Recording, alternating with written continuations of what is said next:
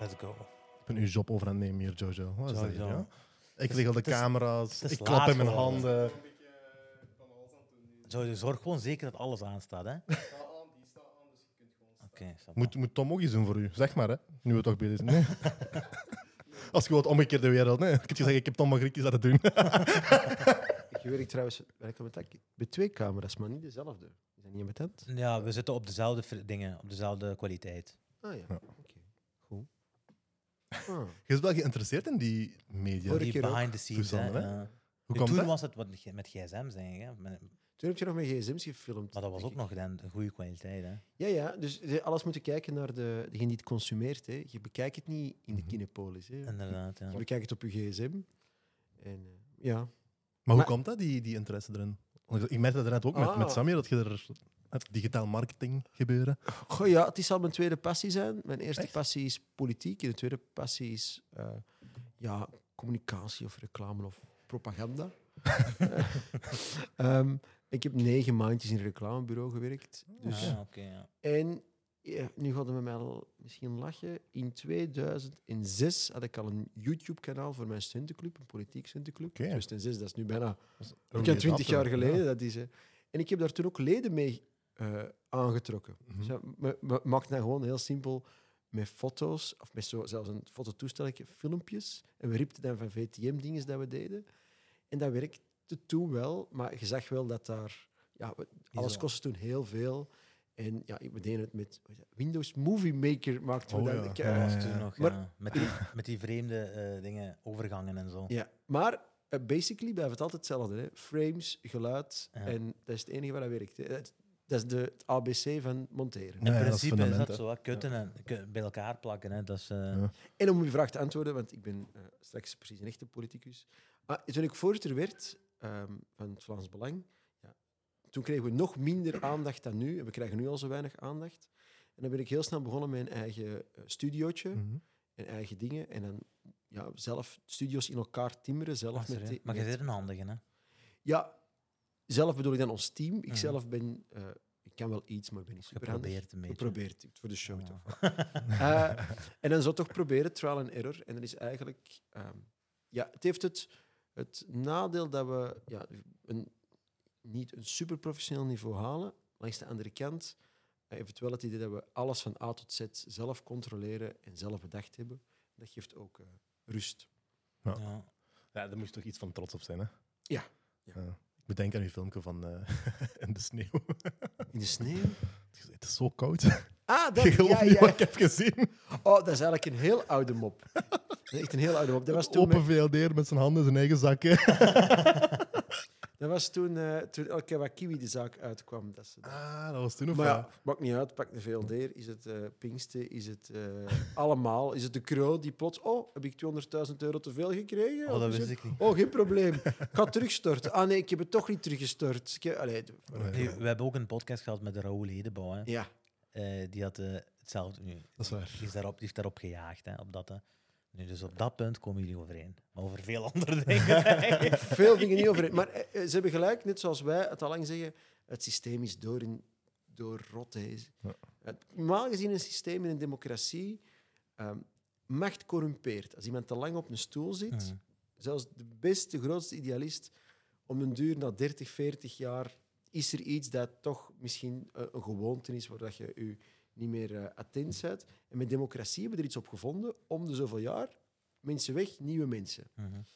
Maar natuurlijk, door het cordon sanitair blijft iedereen er al decennia lang zitten. De, de VLD is bekend 25 jaar aan de macht, de CD&V al sinds eh, de Tweede Wereldoorlog. Zelfs de NVA is al meer dan 10 jaar aan de macht Mhm. in, in, in Vlaanderen. Mhm. Ja, om de duur. Eh, ja. Ja. Dus merkt je gewoon dat er eh, ja, geen vernieuwing zit. Ik kan geloven dat dat een punt is wat u oprecht stoort. Maar wacht, hè, dat wordt eh, de nieuwe headline. Hè. Wat dan? Dan mag ik geef Raoul van Hedebouw gelijk. Op dat punt wel. hè.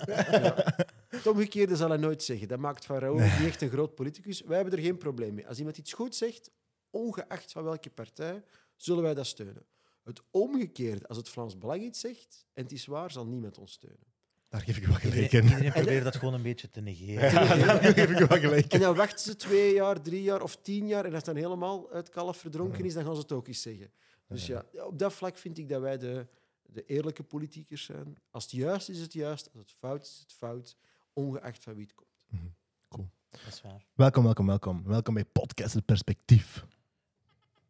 Hey, even, even voor de loyalisten. Seizoen 3. Waar, seizoen 3. Seizoen 3. We beginnen direct met een knaller. Dit is onze eerste aflevering van eh, het nieuwe seizoen. Van dit seizoen. Ja. En, eh, In de zomervakantie nemen we altijd een kleine pauze. kleine we gunnen pauze. ons dat wel, hè, want we filmen elke Deze hier is een maand lang op vakantie geweest. Ja, dat is, no- je geweest. dat is nodig. Ik ben, eh, Dat naar, gaat je niet willen horen. ik ben naar Turkije geweest. Ah ja. Ben- Blijf daar. Het, het is nog nooit... Als je een parkeerplek wilt hebben in Borgerhout, moet je in de zomervakantie komen. Nee, dat is weg. Dat is waar, hè. Ja, ja, ja. Zelfde in Meulenberg, maar daar heb je sowieso een verparking. Ehm, onze gast van vandaag, alweer een heel speciaal persoon. Eh, Zeker weten. speciaal, meer ga je er niet over zeggen. Ehm, niemand minder dan Tom van Grieken. Welkom Tom. Hallo. We hebben al een ganse gesprek gehad, zowel buiten camera als aan camera. Ehm, fijn dat je erbij zit. Dankjewel, merci voor de uitnodiging. Bedankt voor het komen ook. Ja, is graag gedaan. Het is even rijden, maar ja, ik eh, volg jullie podcast een beetje en het heeft een gemoedelijke eh, sfeer. Ja, ja. Wel lachen en, ook Tuurlijk. serieus tegelijkertijd. Dat is een beetje, de, dat is een beetje het thema. Ja, dat is de Dat is een beetje het thema. En, ik zal beginnen met wat siroop op jullie baard te smeren, dat je er alle twee in hebt.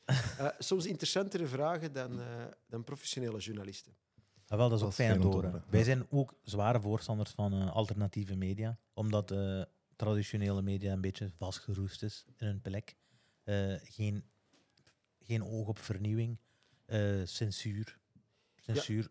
Ze, ze bepalen meer de agendasetting. Ze luisteren vaak niet naar de gast. Ze willen zelf hun agenda doorduwen.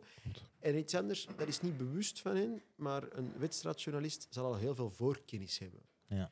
En het is echt ongelooflijk fijn om eh, gasten zoals jullie vragen te horen stellen als waar iedereen mee zit, die niet heel hard met politiek volgt, gewoon de actualiteit, en gewoon simpele vragen stelt. Want soms zijn de eenvoudigste vragen de moeilijkste om te beantwoorden. Dus Klopt. met veel waar. plezier kom ik. Ah, normaal gezien, normaal gezien ja, de verkiezingen die komen er bijna aan. Hè. En de meeste politiekers die zullen dan wel ja knikken om te komen. hè. Maar ik geloof dat jij ook ver van de verkiezingen zou komen. Ja, tuurlijk. Het is nog ver van de verkiezingen. Ja, ja, We gaan de mensen toch nu niet lastigvallen Nee, van hallo, stem op mij, hallo, stem op mij. Dan, dan, dan zijn ze mensen het beu binnen, Dat is binnen waar. twee maanden. dat is waar. maar de Wanneer, wanneer zijn de verkiezingen juist? 9 juni, Ja. 9 juni. 9 Oké, ja. juni 2024. Dus, eh, een kleine 300 dagen. Ja, ja, dat is echt nog bijna niet. maar we gaan, we, gaan- we gaan merken dat eh, als we gasten proberen te strikken, dat tegen de verkiezingen aan dat de politiekers eh, iets gemakkelijker te strikken zijn. Dat is zelfs ons gaan contacteren. Ja, ja, dat gebeurt ook hier en daar. Nu, en ik moet zeggen dat, dat het Vlaams Belang, en daar geef ik persoonlijk een pluim voor, omdat we hebben nu, dat is onze tweede conversatie al, en we hebben Dries van Langenhoven onlangs gehad. En dat was ook onze tweede conversatie al. Ah, dat is, ik zeg niet dat jullie makkelijk bereikbaar zijn, hè, maar Maar zeg het maar, ja, we zijn wel- heel toegankelijk. ik zeg wel, allee, jullie, jullie doen graag mee aan dit soort eh, initiatieven. Ik geloof dat, er, ehm, dat Vlaams Belangers heel toegankelijke politici zijn.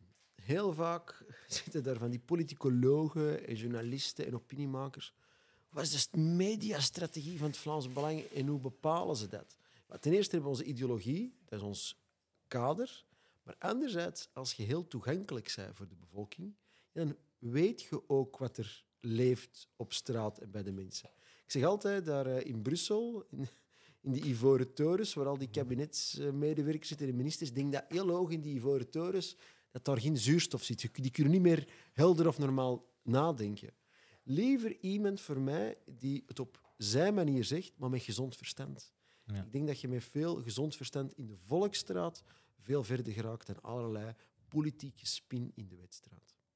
Ja, Kan ik eh mee akkoord gaan, ja. dat is waar. Maar het is ook, hè, ik bedoel, de mens, de, de gewone mens, of het merendeel van het volk, is ook geen politicoloog en is ook geen dinges. En, Nee, dat zijn mensen zoals wij, hè. Average, exact. average Joes. Ja. Of eh, Average, een bekende Turkse naam. Average Ah- Ahmeds. Oh. nee, ik wil eigenlijk... eh, ik ga meteen met een heel felle vraag beginnen. Niet om je tegen te schieten, niet zo'n vraag. Zijn Maar niet, wij Vlaams Belangers, wij zijn niet snel gechoqueerd. Dat is waar. Ja. jullie chockeren. ja. Dat is ook niet waar. Het is de realiteit dat vaak choqueert. Wij zeggen gewoon wat het is. Wij choqueren niet om te choqueren. Oké, maar met een bepaalde bril op, zeggen jullie het wel. Zoals iedere politicus. Dat is waar, zoals iedere mens. Zoals iedere mens. Ehm, nee, mijn, mijn vraag is eigenlijk meteen... eh, hoe ziet jij de samenleving? Wat is voor u de ideale samenleving? En dan heb ik het over Vlaanderen, over België. Goh, dat is een heel moeilijke vraag. Er worden boeken over geschreven, Mhm. heldere programma's. En ik weet dat jullie podcasts lang duren, maar dat zou toch wel heel lang zijn. Ehm, goh, ik hou u in... Ja, het is misschien een beetje te afgelikt als praatje, omdat ik die vraag wel krijg. Waar staat het Vlaams Obviously. Belang voor? Wel, het Vlaams Belang, wij zijn geen socialisten of liberalen, maar wij zijn eh, volksnationalisten. Wat betekent dat? Wij geloven dat er zoiets bestaat als een volk.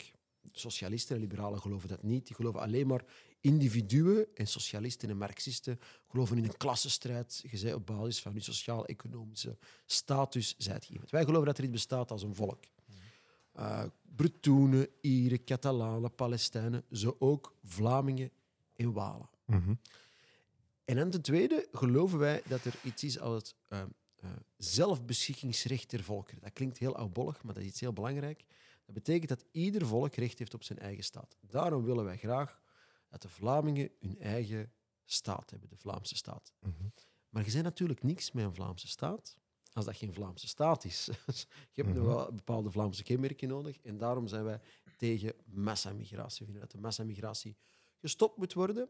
En met de mensen die hier zijn, of nu Vlamingen zijn van geboorte of mensen die hier zijn toegekomen, daar gaan we het Vlaanderen van morgen mee moeten bouwen. Maar met drie groepen mensen die naar hier zijn gekomen, doen we dat niet. Mensen die naar hier zijn gekomen om alleen maar te profiteren van onze samenleving, niet te werken. Mensen die alleen maar hier komen om criminele feiten te plegen. En mensen die een extreme vorm van de islam en van religie aanhangen, daar doen we het ook niet. Die vinden we enkeltje terug. Maar met de rest gaan we het Vlaanderen van morgen moeten bouwen. We willen dat Vlaanderen Vlaams houden en we willen dat veilig houden. En een Vlaanderen dat een democratisch Vlaanderen is, waar eh, mensen eindelijk het beleid krijgen waar ze zo lang voor stemmen. Ja. Korter dan dat is het ongeveer. Eh, ik kan nog wat meer in de diepte gaan. Ik, vind, ik ben een overtuigd democraat. Ik vind dat alle burgers gelijk moeten zijn. Er kan geen onderscheid zijn tussen burgers. Dat vind ik een belangrijk aspect. Ik ben voor veel eh, grondwettelijke vrijheden, vrijheid van meningsuiting. Ik droom van een samenleving waar alles gezegd mag worden. Er is geen rem op de vrijheid van meningsuiting, behalve oproepen tot geweld. Ja, oké. Zo van makes die sense. zaken, daar geloof ik heel hard in. Ja. En als je dan zegt, hè, dat je nationalist is, of het Belang staat voor nationalisme, waar trek je de lijn tussen pro-eigen volk en anti-andere volken? Goeie vraag. Ja, dat is een zeer goede vraag. En dat gaat eigenlijk zijn van welk standpunt je het bekijkt. Mhm. Ik bekijk het vanuit een nationalistisch standpunt. Weet u, nationalisme, dat is voor mij gelijk liefde. Voordat ik hier flower power begin. maar een nationalist houdt van zijn volk zoals een moeder van haar kinderen houdt. En ja, als je iemand heel graag ziet, je kinderen, je volk, dan wil je dat beschermen tegen dingen die je volk bedreigen, die je kinderen bedreigen. Dus heel veel dingen die wij doen, is niet uit haat tegenover het vreemde, maar uit liefde voor het eigene. Waarom willen wij onze grenzen terug opnieuw controleren? Niet uit haat voor wie buiten onze grenzen staat, maar uit liefde voor de mensen die binnen onze grenzen zitten. En daarom pleiten wij voor stevige grenzen. Nationalisme is voor mij liefde. Dat is een duidelijk antwoord. Staat je natuurlijk mooie, een mooie aan- vergelijking, hè, trouwens. Ja. Mooie vergelijking, hè. zoals een, een moeder houdt van, eh, van haar kind. Hè. Dat is Ja. ook eh, relatable. Hè. Ja, natuurlijk. En het is ook zo. Vroeger eh, durf ik al eens zeggen, eigen volk eerst of eerst onze mensen. Dat, Dat wat is jij nu hebt gezegd klinkt beter. Dat is, dat, dat, dat, dat, dat is ja, ook wat een moeder zal zeggen. Hè. Ja. Ik Ja, zorg eerst voor mijn kinderen. eigen kinderen, maar wij zeggen niet dat we niet voor anderen willen zorgen. Maar natuurlijk, een euro kan je maar één keer uitgeven. Dus wij vinden persoonlijk dat we eerst het hier gaan moeten doen voor de mensen hier. Is er nog geld en tijd over? Misschien voor anderen. Ja. Maar in eerste, en, en ik vind dat de huidige regering de afgelopen decennia het omgekeerd doet. Hm, ja. We spelen het OCMW voor heel de wereld. Iedereen mag naar hier komen. Je hebt recht op eens erkend als asielzoeker, eens erkend heb je recht op sociale woning, leefloon, kindergeld. Terwijl de wachtlijsten voor een sociale woning oplopen tot zeven jaar. Je hebt een gehandicapt kindje en heb je steun nodig. Immense wachtlijsten. Ons onderwijs, kwaliteit van het onderwijs daalt. Ja, maar jongens, hebben niet eerst problemen hier? En al die, al die partijen, van NVA tot PvdA aan toe, die wil altijd maar meer migratie binnenhalen. En ik denk persoonlijk dat je een probleem niet echt oplost door dat groter te maken. Nee, nee, het ja. eerst al eens proberen met wat we hier hebben en eens kijken of we daar het Vlaanderen van morgen kunnen doen. Ik denk allemaal niet dat dat zo extreem is dat het Vlaams Belang zegt. Wat anderen doen, dat vind ik heel extreem. Nu, eigen volk eerst is inderdaad zo een van die eh trademarked eh, uitspraken van, eh, van het Vlaams Belang. Dat is de just do it van het Vlaams Belang. ja, ja. Maar eh, f- wa- wa- wat bedoelen jullie daarmee exact met eigen volk? Bedoel je dan de Vlaming? Bedoel je de Belg? Bedoel je de allochtoonse Vlaming? Bedoel je de autochtoonse Vlaming? Eh? Wel, laat me eerst zeggen dat het eigen volk eerst principe iets is dat in heel de wereld courant is. Een, een, laatst heb ik eh, van iemand een toespraak gehoord die zei: Een Fransman is Fransgezind. Hij zegt Franse eerst. Een Engelsman is Engelsgezind. En een Vlaming is dus ook Vlaamsgezind en komt eerst op voor zijn Vlaamse belangen. Op zich is dat principe niet zo gek. Hier is het de, de moeilijkheid binnen België. Eh, als ik die voorbeelden geef, uw Franse identiteit en uw Franse nationaliteit ligt bijna op elkaar. Aangezien wij binnen België zitten, heb je een Belgische nationaliteit, uw paspoort, Mhm. en een Vlaamse en een Waalse identiteit. Dus wij streven dat onze Vlaamse identiteit ooit een Vlaamse nationaliteit wordt, mijn eigen paspoort. Dus, lang verhaal, maar het is wel belangrijk die nuance. Wij trek- zijn heel streng in alles wat we indienen van wetsvoorstellen, is verstrenging van onze nationaliteit. Het verkrijgen van uw paspoort, daar moet je veel voorwaarden aan voldoen, taal spreken, blanco strafblad hebben. En als je het te bond maakt, kunnen we het ook terug afnemen. Op dat vlak zijn we, leggen we de lat heel hoog. Daar moeten we niet flauw over doen. We zijn niet, eh, we- het Vlaams Belang hangt niet het bordje buiten, iedereen welkom. Dat moeten we van ons niet verwachten. Over uw Vlaamse identiteit, dat is iets anders. Dat kan ik niet controleren of opleggen. Ik draai het om. Als u vraagt, wat is ons volk, wat is een Vlaming? Ik stel de vraag om. Voelt u Vlaming? Ja. Dat is stap één. Maar laten we ook heel eerlijk zijn, er zijn ook sommige derde generatie allochtonen die zeggen nee, absoluut niet. ja, dat zult je ook wel horen. Ja. Nu, dat heeft ook met... Dan, Tal van andere factoren te maken. Inderdaad, ja. Maar je kunt als derde generatie, waar je vandaan komt, dat kun je niet veranderen. Daar moet je zelfs trots op zijn. Op je roots mag je trots zijn. Ja. Maar waar je toekomst ligt, dat is een bewuste keuze. Mhm. Als jij zegt, ja, mijn toekomst ligt niet in Vlaanderen, ik heb niks in Vlaanderen, ik wil alles hebben zoals mijn herkomstland of mijn land van mijn voorouders, ja, wat doe je hier dan nog? Het is een bewuste keuze. om ja, na drie generaties zijn dat toch heel lang aan het wachten. Dan, maar dat is de vraag, ja, waar ligt uw toekomst? En daar is, en Vlaming zet je dus op twee manieren. Dus daar, één, op één manier kun je er niks aan doen. Als één van je twee ouders Vlaming is, zet je dat bij geboorte. En op een tweede manier is als je daar bewust voor kiest en kiest voor de naturalisatie, dat is je nationaliteit. Dat zijn de twee manieren. Dus er is niet dat Vlaams Belang, en, en, en dat van Grieken en het Vlaams Belang aan de macht is, komt niet de flipchart boven van check, check, check, check, check. Ja. Jij bent Vlaming, check, check, check. Jij Het niet. is natuurlijk moeilijk hè, om, eh, om dat eh, waar te nemen. Ook, hè. Ja, en, en Vlaming zijn is... Je kunt dat ook niet exact beschrijven. Eh, de Vlaming van 1302 is niet die van 2023. Nee. Er zit e- automatisch evolutie in. Die is veel softer ook. Hè. Ja. Maar ik doe wel niet met... Als je hier zou knippen, wat dat je zou kunnen doen, is het misschien iets te relativistisch. Dat iedereen Vlaming kan zijn. Dat vinden we dan ook weer niet. Een, v- een volk heeft wel wat gemeenschappelijke kenmerken. Gemeenschappelijke taal, gemeenschappelijke cultuur, gemeenschappelijke afkomst, gemeenschappelijke geografie, gemeenschappelijke toekomst. Nu mocht je niet focussen dat je al die dingen moet afvinken. Want bijvoorbeeld, ik geef u een niet controversieel voorbeeld. Ehm, taal. Als enkel taal doorslaggevend zou zijn, ja, dan zijn Ieren hetzelfde als Engelsmannen. En dat is niet. Ja. Het is de, de combinatie van beide. Het een zal wat meer doorslaggevend zijn dan het ander, dat een volk definieert. Maar dat is geen exacte wetenschap. Als je zegt afkomst is doorslaggevend, wat wij niet zeggen, ja, er is maar, dat, dat zeiden de nazi's. Het is enkel de bloedlijn, Mhm. anders kun je nooit Duitser worden. Of dat zeggen de Israëli's. hè. Enkel door de Joden kun je alleen maar Jood worden omdat je moeder Jood is. Anders ook niet. Zelfs de vader niet. Hè. Nee, dus de- die dingen, daar blijven we ver vanaf. Wij zijn voor nationalisme. Je kunt het hebben door geboorte, maar je kunt het ook hebben doordat je je engageert en je naturaliseert. Ehm, als je nu Israël aanhaalt, hè, want je zei net ook dat islamisering, dat islamisering ook eh, een, een probleem kan zijn voor de Ja. toekomst van België. Ehm, Is voorwaardelijk, ik zei het meer als Ja. het is een probleem. als je het verder wilt maken. Ehm, Oké, dan ga ik eerst daarbij beginnen. Waarom is het een probleem?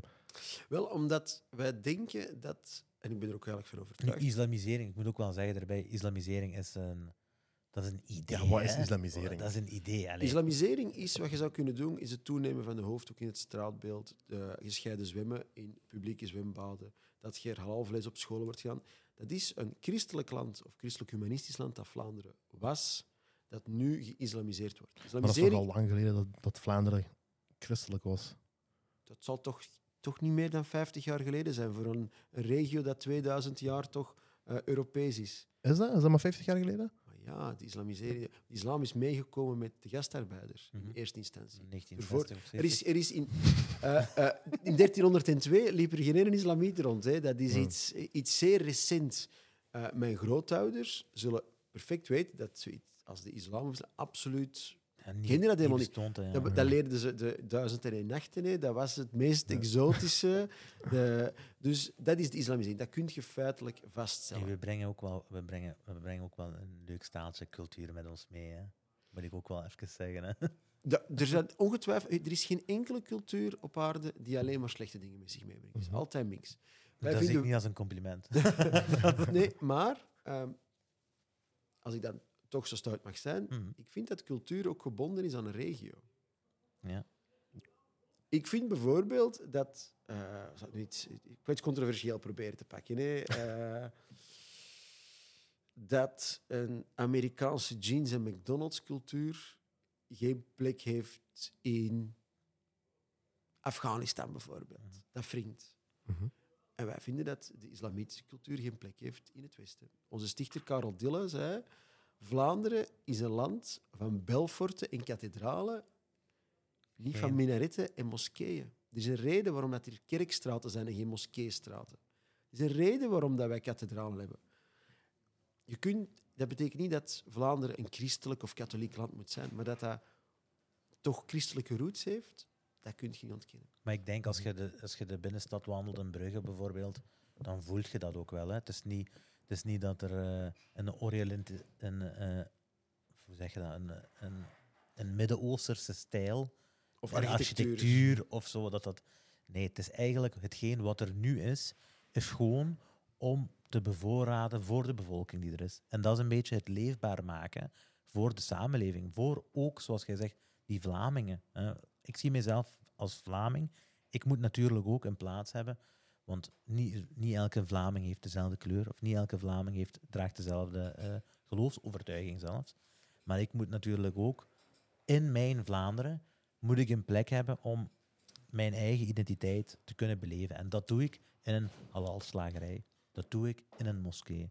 Dat zal ik doen in, ja, in, op zo'n plekken eigenlijk. Ja. En Eh, het is niet dat er in elke straat een moskee moet zijn ook. Hè. Dat is, eh, dan gaan we terug naar de jaren 1400. Vind je dat er in iedere straat, in, of dat in Saudi-Arabië kerken moeten kunnen staan? Nee, dat vind ik ook. Ik vind, ik vind niet dat dat hoeft, maar ik vind wel, ik vind Dat er wel moeten zijn ter dat beschikking die er van- moeten zijn. Ja. Ja? Ter beschikking van de christenen Ik, die ik, ik, zal- ik aanwezig zijn. In. Turkije zijn er genoeg. Ja, eh, maar ik, zal, kerken, hè? ik zal het wat straffer zetten, want christendom, islam, dat is nog iets dat... Nee, niet echt, het is nergens echt een succesvol huwelijk. maar eh, vind je dat er synagogen in Nee. moeten staan? nee. Zou die synagoge in Wam staan? synagogen in, ik zeg maar iets, Saudi-Arabië moeten staan. Ook, jawel. Ik Ja? vind van wel, ja. Ah, Ik vind, ik vind vrijheid van geloofsovertuiging, dat is ook een belangrijk punt. eh, Ja. ik- maar hier komt de clue. Als het streven van de islam in zijn pure vorm naar de sharia is, en overal waar de islam de staatsgodsdienst is, zijn geen minderheden. zijn geen religieuze minderheden. Minderheden zijn er alleen maar waar de christelijke cultuur dominant is. Minderheden verdwijnen zodra de islam de staatscultuur is. Ik moet ook wel zeggen, zelfs de christelijke cultuur verdwijnt waar het christendom de dominante dingen is. Allee, de do- dominante. Maar, maar dat is zeker, hè. die Linky Winkies van mei 68, Ja. met alles moet weg, de oikofobie, de zelfhaat, alles wat wij doen is heel slecht was. Eh, dat, heeft, dat is minstens, ik, ik, ik, durf- ik heb zo een, een, een, een, een dingetje dat ik vertel bij jonge nationalisten. Ik zeg, eh, vergis u niet, niet massamigratie of islamisering is het grootste probleem. De ongelooflijke Europese zelfhaat is het grootste probleem. Hoe kunt je nu in hemelsnaam verwachten dat nieuwkomers u respecteren, uw cultuur respecteren, als je jezelf niet respecteert? Er komt toe en je zegt, jongens, doe maar een beetje. Hè. Maar, maar, maar meneer Van Grieken, welke taal zou ik moeten spreken? Nee, nee, kies maar wat, we doen hier zo maar wat. Geen enkel land ter wereld zou dat normaal zijn. En hier hebben wij 30 jaar lang, wat zeker 60 jaar lang, VLD'ers, groene, CD&V'ers. Doe maar wat, jongens. En na 30 jaar, tja, dan leven al die mensen hier naast elkaar. Hadden we dan niet beter regels op, opgelegd? Als ik naar scholen ga spelen, ik, ik heb te weinig tijd om in scholen met debatten te gaan spreken. Ehm, zeg ik altijd, je moet een leidcultuur hebben en je moet duidelijke regels hebben. En dan zeggen ze, ja, maar dat is niet waar. Ik zeg, jawel. Een samenleving is als het verkeer. Als er een Brit in, in Vlaanderen komt wonen, dan kan ook hij niet al zijn cultuur behouden en zijn gebruiken. Ja, wel, meneer Van Grieken zegt, zegt, dat is niet waar. Op het moment dat hij in zijn auto stapt en hij zegt, ik ben Brit, dus ik rij links, dan is hij zijn straat nog niet uit of heeft een accident. Nee, maar het is ook een... een Een samenleving is een set van, van, maat, van, van wetten en regels. Dus je hebt eh, waarden die normen zijn en normen die wetten worden. Als je die niet aanvaardt, ja goed, dan kun je niet met een auto rijden als Brit. En dat betekent ook weer culturele verschillen. Dus je zei er net, als ik nog mag op terug inpikken, ik wil mijn identiteit beleven door naar een halal-slagerij te gaan. Dat is een standpunt dat je kunt hebben. Maar wij hebben hier een debat gehad in Vlaanderen, decennia lang, dat dierenwelzijn en onverdoofd slachten iets is dat we niet langer aanvaarden. Ik ga terug 60 jaar geleden in Vlaanderen, was dat iets zeer courant om zelfs dieren onverdoofd te slachten. Onze samenleving is geëvolueerd en we hebben gezegd, we doen dat niet meer. Als we eh, dierenleed kunnen vermijden, doen we dat niet. En dan heb ik er wel een probleem met dat mensen zeggen, ah, maar religie staat erboven. En dat kan niet in een democratie. Een democratie is, als iedereen die wet stemt, geldt ze voor iedereen. Ja. Mhm. Dus ook- als slagers dan dieren van het buitenland laten komen die al geslacht zijn. Dat is minstens even problematisch, maar daar kunt je, je kunt niet de wetgeving van een ander land beïnvloeden. Mhm. Maar Ja. wij zeggen gewoon op ons grondgebied, dat is het soevereiniteitsprincipe, wij oordelen over de wetten die hier gelden. Is het niet? Dat is, je kunt het debat voeren. Is le- leidt het dier wel, leidt het dier Nee, dat niet? is een ander debat. Een ja. ander debat, Ja, maar op een bepaald moment is er gestemd geweest, het is verboden. En als je dan zegt, wat is het probleem met islamisering? Ik ben niet de politicus die... Ik ben tegen islamisering, ik heb fundamentele problemen met de islam. En ehm, er zijn andere politici in mijn partij die met Soena zoveel en vers zoveel een heel religieus debat kunnen voeren. Ik ben zelf gelovig. Je overtuigt geen gelovige door te zeggen uw geloof trekt op de ballen. Want dat is een Nee, non-discussie. het is ook een heel breed onderwerp. Hè, dus het is gemakkelijk om uit te kiezen. en- en- Maar ik, ik draai het om. En wat doe ik dan eh, voor het uitgelegd te krijgen? Ik stel meestal drie vragen. Ehm, sta, waarom het islam niet compatibel is met onze democratie. Mhm. Is de Koran het letterlijke woord van Allah openbaard eh, aan Mohammed? De Koran Ja, is letterlijk... ja. wel, ja. Dat is een groot verschil met eh, de Bijbel, waar Mhm. er vier evangelies zijn die daar eigen Met de interpretatie tijd, hebben. ja. Tweede, mocht kan eh, u pakken. Mocht jij nu zeggen, ja, Allah heeft het zo gezegd, maar ik interpreteer het zo, jij als gewone moslim. Mocht jij dat door wat zeggen? Allah zei wel dat ik dat moest doen, maar eigenlijk doe ik gewoon mijn goesting. Mag dat eigenlijk? Volgens de geleerden niet. Dat is twee. Alle verschil. Dus je mag het niet interpreteren. Nu komt de clue. Wat is democratie? Als er 50% van de mensen, een vertegenwoordiger van de mensen, een wet stemmen, dan moet je die volgen. Maar wat als die wet nu lijnrecht tegen ingaat wat in de Koran staat? Wat moet je dan volgen als brave moslim? Nu, dat is, het, wordt ons, het wordt ons wel gezegd, als moslim zijnde, de, eh, dat je u, zo, zolang het niet haaks is met uw religie, om u aan te passen aan de maatschappij waar jij, waar jij verblijft. wat als er nu een wet gestemd wordt die haaks is op je religie? Wat moet je dan doen? Nu, dat is een moeilijke. Ik ga daar niet op antwoorden, omdat dat, moe, dat, is, een- Nee, ah, dat is een moeilijk om een voorbeeld. Onverdoofd slachten is daar het voorbeeld Nee, van. we hebben, we- nee, er zijn meerdere opties bij, het, eh, bij dat debat. Hè. Nu, dat debat is gelinkt aan ook heel veel hypocriete eh, Ja, ja. opvattingen natuurlijk. Hè, want voor dierenleed, eh, alsjeblieft. uw proteïne die je haalt van de, van de supermarkt, daar hoef ik zelfs nog geen kanttekening Het bij dier te heeft een maken, heel leven geleid vooral hij geslacht werd. Dus allee. Ja. Maar, dat, dat, maar laten we nu dat, voor alle nuances even bij. We trekken het even voor Mhm. het debat scherp te stellen. Mhm. Stel je voor dat er geen nuances zijn over onverdoofd slacht. Het is gewoon, je moet dat doen. En de wet zegt, je mag het niet doen. Wat moet je dan doen als gelovige moslim? Wij hebben ook de optie natuurlijk om geld op te sturen. Hè. Dus, dus de Koran die... die Als je die optie... En ik, ik, ik, wil, ik wil dat pushen. Waarom push ik dat? Dan Tuurlijk- wil, dan Maar wil je- horen, dan wil, dan wil dit horen. Nee, nee, Hij had want- twee schapen in de tuin. Allahu Akbar. Wa- wa- wa- waarom, waarom push ik dat? Omdat dat relatief onschuldig is, wat ook maar... eh, het is niet echt zo onschuldig. Dat we dat conflict veel minder zien met andere religies. Ja, dat ik denk... De spanningsveld tussen democratie en islam is zo, zo intens dat ik denk dat het veel minder compatibel is als ideologie. Zijn er dat. heel veel moslims Mhm. die zeggen: Ik interpreteer het wel. En als de imam me niet lastig valt, dan doe ik toch gewoon mijn goesting. Tuurlijk, er zijn veel gematigde moslims, maar er is geen gematigde islam. net Maar zoals... wacht, hè. maar ik net ga je een antwoord geven op uw vraag. Ik ga je een antwoord geven. Ik zou kosher vlees halen. Ja, maar ik vind ook koshervlees, als dat ook onverdoofd geslacht is, dat kan ook niet. De wetgeving geldt voor iedereen. Ik moet wel zeggen, net zoals dat we het, dat we het jammer vinden dat een, eh, een dominant christelijke samenleving eh, verwatert, moeten we net respect hebben voor een, voor een islamitische eh, cultuur en geloofsovertuiging die het niet verwatert. Want als je kunt niet het ene erg vinden en dan... Ik persoonlijk, ik vind het jammer dat, eh, dat christelijke waarden... Want je zei in het begin, een, eh, een, een christen en een moslim, dat is geen goed huwelijk. Daar niet mee akkoord. In deze tijd... Christendom en islam is Ja. nergens een goed huwelijk in de geschiedenis. Ja, nee, dat is waar. Maar we zijn Nee, ook op een een punt gekomen... Een christen en een moslim kan wel, hè? Ja, Mhm. maar ik bedoel, we zijn, nu op een, we zijn nu op een tijd wat we in heel ons leven eigenlijk niet hebben gekend. En dat is de opkomst van, de zware opkomst van de atheïst. Hè?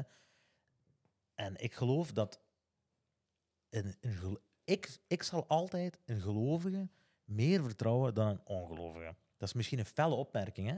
maar iemand is die gelooft, die, die, die staat achter iets. Hè? Iemand die gelooft, die... Ik geloof in het vliegend spaghetti-monster. Nee. En vertrouwde mij dat ik dat zou zeggen. Nee, toch? Nee, natuurlijk. Daar zijn ook nuances bij. Ah, Natuurlijk, hè. maar daar zit het verschil. Welk geloof is nu het ware geloof en welk is nu het meest echt en het pure?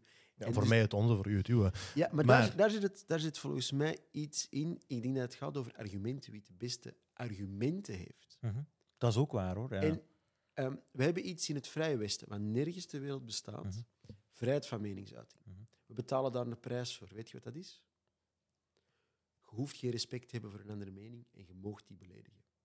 Dat is de keerzijde van het ongelooflijke, want dat bestaat maar een goeie 60, 70 jaar, pak naar 80 jaar, ah, dat iedereen zijn gedacht mag zeggen. Mhm.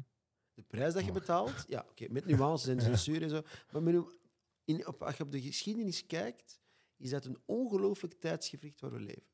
Mhm. De enige prijs die je ervoor betaalt, is dat je beledigd kunt worden. Ik ben bereid die prijs te betalen. Ik stel ook weer vast, maar dan zijn we weer te veel altijd over de islam bezig, dat het iets moeilijker ligt bij de is- islam. Nu, ik moet zeggen, antisemitisme is... eh, ik, denk dat, ik denk dat de Joden daar de trofee pakken. Hè.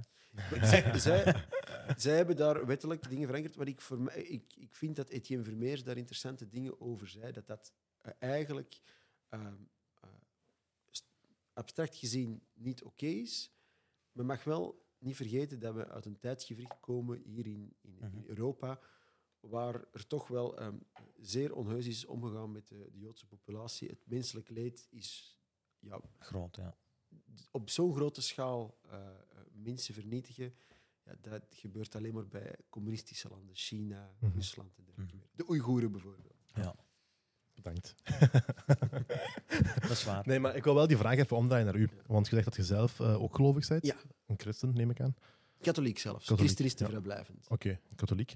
Ehm, wat als er een wet zou komen die haak staat op een katholiek? We hebben het voordeel een beetje. Ja, ja. er, zijn- er, zijn er, er zijn er best veel, zelfs veel ethische wetten. eh, En wat doe jij dan? Ja, ik moet de wet volgen. Dat is ook weer een democraat. En wat zegt uw geloof dat je moet doen? Ja, maar het geloof moet zich... dat is dezelfde vraag die je ons stelde. Hè? Het geloof zegt dat ik de wet moet volgen. Want in het christendom is er een typisch ding dat eh, de, de, wat de, de, de, staat mag doen en het geloof. Mhm. Het, wat is het verschil? Ik, ik, ik vind een geloof organiseert zichzelf en dan mag de staat zich niet moeien. Het is niet aan de staat om te zeggen hoe dat, hoe dat gelovigen hun geloof moeten ordenen. Maar het is niet ook niet aan een religie om te zeggen hoe een staat zich moet ordenen. En christenen aanvaarden dat nu veel makkelijker. Er zijn ook zotte christenen hè, die dat niet aanvaarden. Hè. Akkoord. Maar als, ik, als politicus probeer ik analyses te maken die generalistisch zijn. Uiteraard gaat er altijd een uitzondering zijn, een voorbeeld. Mhm. Maar je kunt geen eh, principes trekken of algemeenheden als je alles Ja. maar blijft naar het individu te herleiden. Tom, de aanleiding, hè, de aanleiding van, van deze podcast was eh, een reactie die jij hebt achtergelaten. Eh, omdat we hadden, we hadden een clip gedeeld eh, over uw conversatie met eh, een journalist. Marianne Bari. Ja, inderdaad. 66.000 keer bekeken. Even de best bekeken YouTube-filmpjes van 14 niet. Ja, maar, Stiekem trots. ja, maar dat geloof ik. Eh, En nog censureren ze u met al die views. want, want jij had dan commentaar gegeven op wat er in die clip die van ons ge- gezegd was. Hè. Maar ik ben terug proberen te gaan kijken over... Ik wou, ik wou dat terug opbrengen, maar ik vond dat nergens terug. Oh. Kan dat? Dan heb, dan heb je... Ik heb goed gezocht, hè. Ja, je moet gewoon op, je kunt opnieuw weer bekijken op... Ja, maak ik reclame voor andere YouTube? Nee, Ik maak geen reclame voor de VRT YouTube-kanaal. maar dat kanaal dat ik dus niet bij naam noem, daar zou je het wel terug kunnen zien. Eh, ja, in het voorgesprek, ik wist al niet meer exact waar het over ging, maar eh, je had me geciteerd en je noemde het basically, Ja, zei Tom. Maar basically, Omdat- een omdat- citaat is een citaat en basically dat is waar. is, is geen citaat. Maar ik denk, jullie hadden het, jullie hadden, want ik denk er nu ook terug over aan. Jullie hadden het eh, over ehm, kiezers voor, van het Vlaams Belang die moslim zijn. Ja. En uw antwoord, basically, omdat ik die video niet heb terug kunnen vinden, kan ik niet exact houden. Eh, uw antwoord daarop was dat eigenlijk eh, de, de, de islam eigenlijk haaks staat met, de, met Vlaanderen of met de Vlaamse identiteit. Oh, iets in die aard. Zoals ik, net, zoals, zoals ik net zei, de vraag die ik kreeg was: eh, kunnen moslims op het Vlaams Belang stemmen? Het antwoord is daarop eigenlijk ja. Alleen denk ik, als je ideologisch kijkt, zoals ik zeg dat de islam is niet compatibel met onze Europese waarden, dat het ideologisch botst. Maar wij stellen wel vast dat er ook wel wat eh, allochtonen met, met moslimgeloof, of een islamitisch geloof, mijn excuses, dat klonk nogal knullig, eh, dat veel allochtonen die eh, islamitisch geloof aanhangen, ook wel op ons stemmen. Ze weten dan wel dat het botst in zaken religie, want ja, je kunt veel zeggen van het Vlaams Belang, maar we hebben niet echt een verdoken agenda. Hè. We zeggen wel waar het op staat. Maar als het gaat over veiligheid, harde aanpak criminaliteit, als het gaat over al dat niet transgender onzin, als het gaat over die dwaze LZ-zones dat je met je auto nergens binnen kunt, dat je op een bepaald moment ook zeggen, ja, er is nog maar één partij met gezond verstand, maar iedere gelovige moet dan maar een gewetensonderzoek doen. Kun je op het Vlaams Belang stemmen of niet? Dat is een Mijn- moeilijke vraag. Mijn hè. programma is... Ik, ik, ik- wij krijgen mailtjes binnen van, eh, voor, ja, voor mensen die een beetje Antwerpen kennen, van Marokkaanse meisjes. Hallo Vlaams Belang, kunt je eindelijk iets doen aan de onveiligheid op de Rooseveltplaats? Want al die Afghanen die er rondhangen, ik voel me niet... Dus er, er is iets dat... Maar dat is wel ziek, daar, Roosevelt. Dus ja, dat is echt gewoon next level daar. ja oh, oh, oh.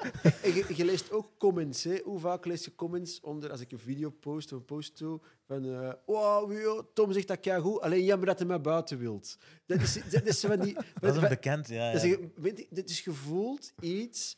Ja, de, dat religieus ding, maar ja, het Vlaams Belang is nogal eh, hardnekkig en principieel. Wij gaan er niet op toegeven. Maar als je naar de andere standpunten kijkt, ja, zijn we de partij van het gezond verstand en er leeft onder een, een deel van de allochtone jongeren ook wel wat gezond verstand. Nu, het is natuurlijk moeilijk. Ja, Als je echt eerlijk moet zijn, hè, Tom, wil je alle moslims eruit? Ik wil niet alle moslims eruit. Maar dat is ook één on, onhaalbaar, ondenkbaar. Ik zelf ben opgegroeid in een multiculturele eh, school. Eh, multi- ik ben geboren aan de stationsbuurt in Antwerpen. Dus eh, ik heb nooit een, een volledig christelijk blank Antwerpen of zo gekend, zoals mijn overgrootouders zouden gekend hebben. Dat ken ik allemaal niet. Ik kan het mezelf moeilijk inbeelden. Wat ik wel vind, en dat blijf ik herhalen, ik vind dat we de instroom moeten beperken. Eh, Mhm. sommige wijken in Genk, eh, in Antwerpen, in Brussel. Ja. het tro is te veel heeft, en dat, te veel is heeft, dat niet te maken, heeft dat niet te maken met, eh, met het systematisch plaatsen? Bijvoorbeeld in, ik weet dat het in Houthalen, in Genk, in Beringen eigenlijk dat is een probleem wat Vlaanderen zelf in de hand heeft gewerkt. Hè. Want als jij alle mijnwerkers samen in één cité gaat zetten, In ghettos. hè, in ghettos, hè, letterlijk, in, letterlijk in ghettos. Want ik weet dat de buurten waar ik ben opgegroeid en de buurten, en ik ben verstandig om dat, te- om dat te kunnen inzien, hè, dat alles is mooi op de hoofdbaan. Hè. Mooie grote huizen, een tandarts woont daar, een dokter woont daar. Één straatje recht en alles zit op elkaar geplakt. En wie woont daar? De, is- kinderen van de mijnwerkers en de mijnwerkers. Dat is wat ik dus die linkse partijen verwijt. Die hebben die maar in de tijd, in de jaren 60, ze laten komen en geen plan. We hebben altijd gezegd over sociale woningen, gebruik het Deens-systeem. Maximum 10% van je sociale woonblokken mag naar mensen met een niet-Deense nationaliteit gaan. Waarom is dat? Voor net dat contact hebben. We zien nu vandaag dat er heel veel mensen hier komen. Ja, die, zijn, die hebben een netwerk, ongelooflijk. hè. Syriërs hebben een netwerk, eh Congolezen hebben een netwerk, Turken, Marokkanen. Je kunt zelfs bijna in Brussel jaren rondlopen zonder een woord Nederlands of Frans te spreken, want dat is een heel netwerk. Dus ik denk dat wij een fout hebben gemaakt. Mhm. Niet wij, de andere partijen een fout hebben gemaakt. Door te zeggen, doe maar op, we zien wel. Twee, de meerderheid van de mijnwerkers waren wel Vlamingen nog altijd. Die hebben er toch ook zich er kunnen uitwerken. We zien ook de Europese gastarbeiders Mhm. iets Die sneller. hebben het niet lang overleefd, hè? Tot de jaren 60 of zo. De, de, de, de Grieken en de Italiaanse gemeenschappen en zo zijn iets minder problematisch in de samenleving. Dus er is nog wel een ander aspect dat we toch ook niet mogen ontkennen, dat het vooral de Turkse en de Marokkaanse gemeenschap is, dat iets moeilijker integreert. Ik ben heel eufemistisch, maar laat me ook zeggen het dan nog komt. Mochten het alleen maar de gastarbeiders zijn, die keihard gewerkt hebben, en daar de kinderen en kleinkinderen van, dan hadden we geen groot multicultureel probleem. Het is dat sinds de jaren 70 men mensen is blijven verwelkomen, blijven toestromen. Ik heb een clipje dat je misschien hebt gezien dat ik zo tussen dozen rondloop en zeg over de asielcijfers. Het is waanzin. Wij zijn Hotel Belgica. We zijn permanent is het open deurdag met deze Vivaldi-regering. Dat moet stoppen. Je kunt het probleem van ghettovorming niet oplossen door meer mensen hier te halen. Dat is wat ik bijvoorbeeld de PvdA verwijt.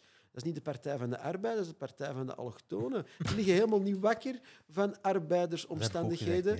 Die, wil, die willen altijd maar meer migranten, meer lage lonen, voordat een baas minder loon moet betalen. En dat probleem wordt altijd maar groter en groter. Maar wie wordt er nu beter van? Gaat onze onderwijskwaliteit nu naar omhoog als er meer anderstaligen in die klas zitten? Nee, toch? Kunnen we dat nu eens eindelijk herkennen? Ik denk dat dat ook gezond verstand is. Mhm. Ik wil even terug inpikken op eh, een klein stukje wat je net zei. Eh, over het, het, het integratie. Hè? Eh, want je zei van Turken en Marokkanen zijn toch, hebben meer moeite met het integreren dan die andere volkeren, of die andere culturen. Ehm, vanaf wanneer zeg je een persoon is geïntegreerd? Goh, ik kan dat ook niet exact zeggen, want integratie is... Na- Naar gelang uw ideologie bedoel ik Ja. ook natuurlijk. Hè? Integratie, bijvoorbeeld, je zou kunnen zeggen dat de, de, een Chinese gemeenschap geïntegreerd is, ook al zijn die minder in contact met de autochtone bevolking dan bijvoorbeeld de Marokkaanse gemeenschap. Het heeft ook wat met conflict te maken. Is er veel conflict of niet? Zijn er wat teruggetrokken of niet? Ik denk dat dat eh, meespeelt. Dus over integratie, wat denk ik dat kan? Een individu kan assimileren. Mhm. Dat betekent, ik, ik, mijn roots liggen ergens en ik ben Vlaming, ik word Vlaming en mijn toekomst ligt daar. Groepen mensen kunnen integreren. Noem, bijvoorbeeld, pak Amerika nu als voorbeeld. De Italiaanse gemeenschap is daar geïntegreerd, of de Ierse gemeenschap. Die hebben, die hebben een sub. Een, eh, Een semi-subnationaliteit. Wat betekent Exact, dat? Als het St. Patrick's Day is, als je 1 64ste Ier bent, dan lig je ook populaire zet St. Patrick's Day te vieren, want I'm Irish. hmm. Maar op de 4th of July hangen die allemaal de Amerikaanse vlag buiten. Nu, De Italiaanse gemeenschap, ooit heel controversieel tegenover de Ierse gemeenschap, is, heeft ook nog wel zijn identiteit, maar is geïntegreerd. Mhm. Als gemeenschap zijn ze geïntegreerd, de individuen zijn geassimileerd. Laat me nu maar zeggen dat dat voor, ook in Vlaanderen, de Italiaanse gemeenschap, als Italië speelt, zijn ze allemaal voor de Italiaanse ploeg. Voor de rest zullen ze zich eerder Vlaming noemen. We stellen vast dat dat bij de Turkse gemeenschap en de Marokkaanse gemeenschap niet is. Ik ga daar niet per se mee, ik ga daar niet mee akkoord. Allee, Erdogan heeft de grootste meetings hier in Limburg, in heel Europa. dat is echt waar. Dat is waar, ja. Nu, dat is niet bepaald iets. Dat is basically een celebrity ook. Hè. dat is, Erdogan is, eh, dat, is een, dat is een beroemdheid gewoon ook. Hè. Nee, maar ik zal u een beetje verder helpen. Eh, het feit dat hij heel veel stemmen vanuit hier pakt, is wel...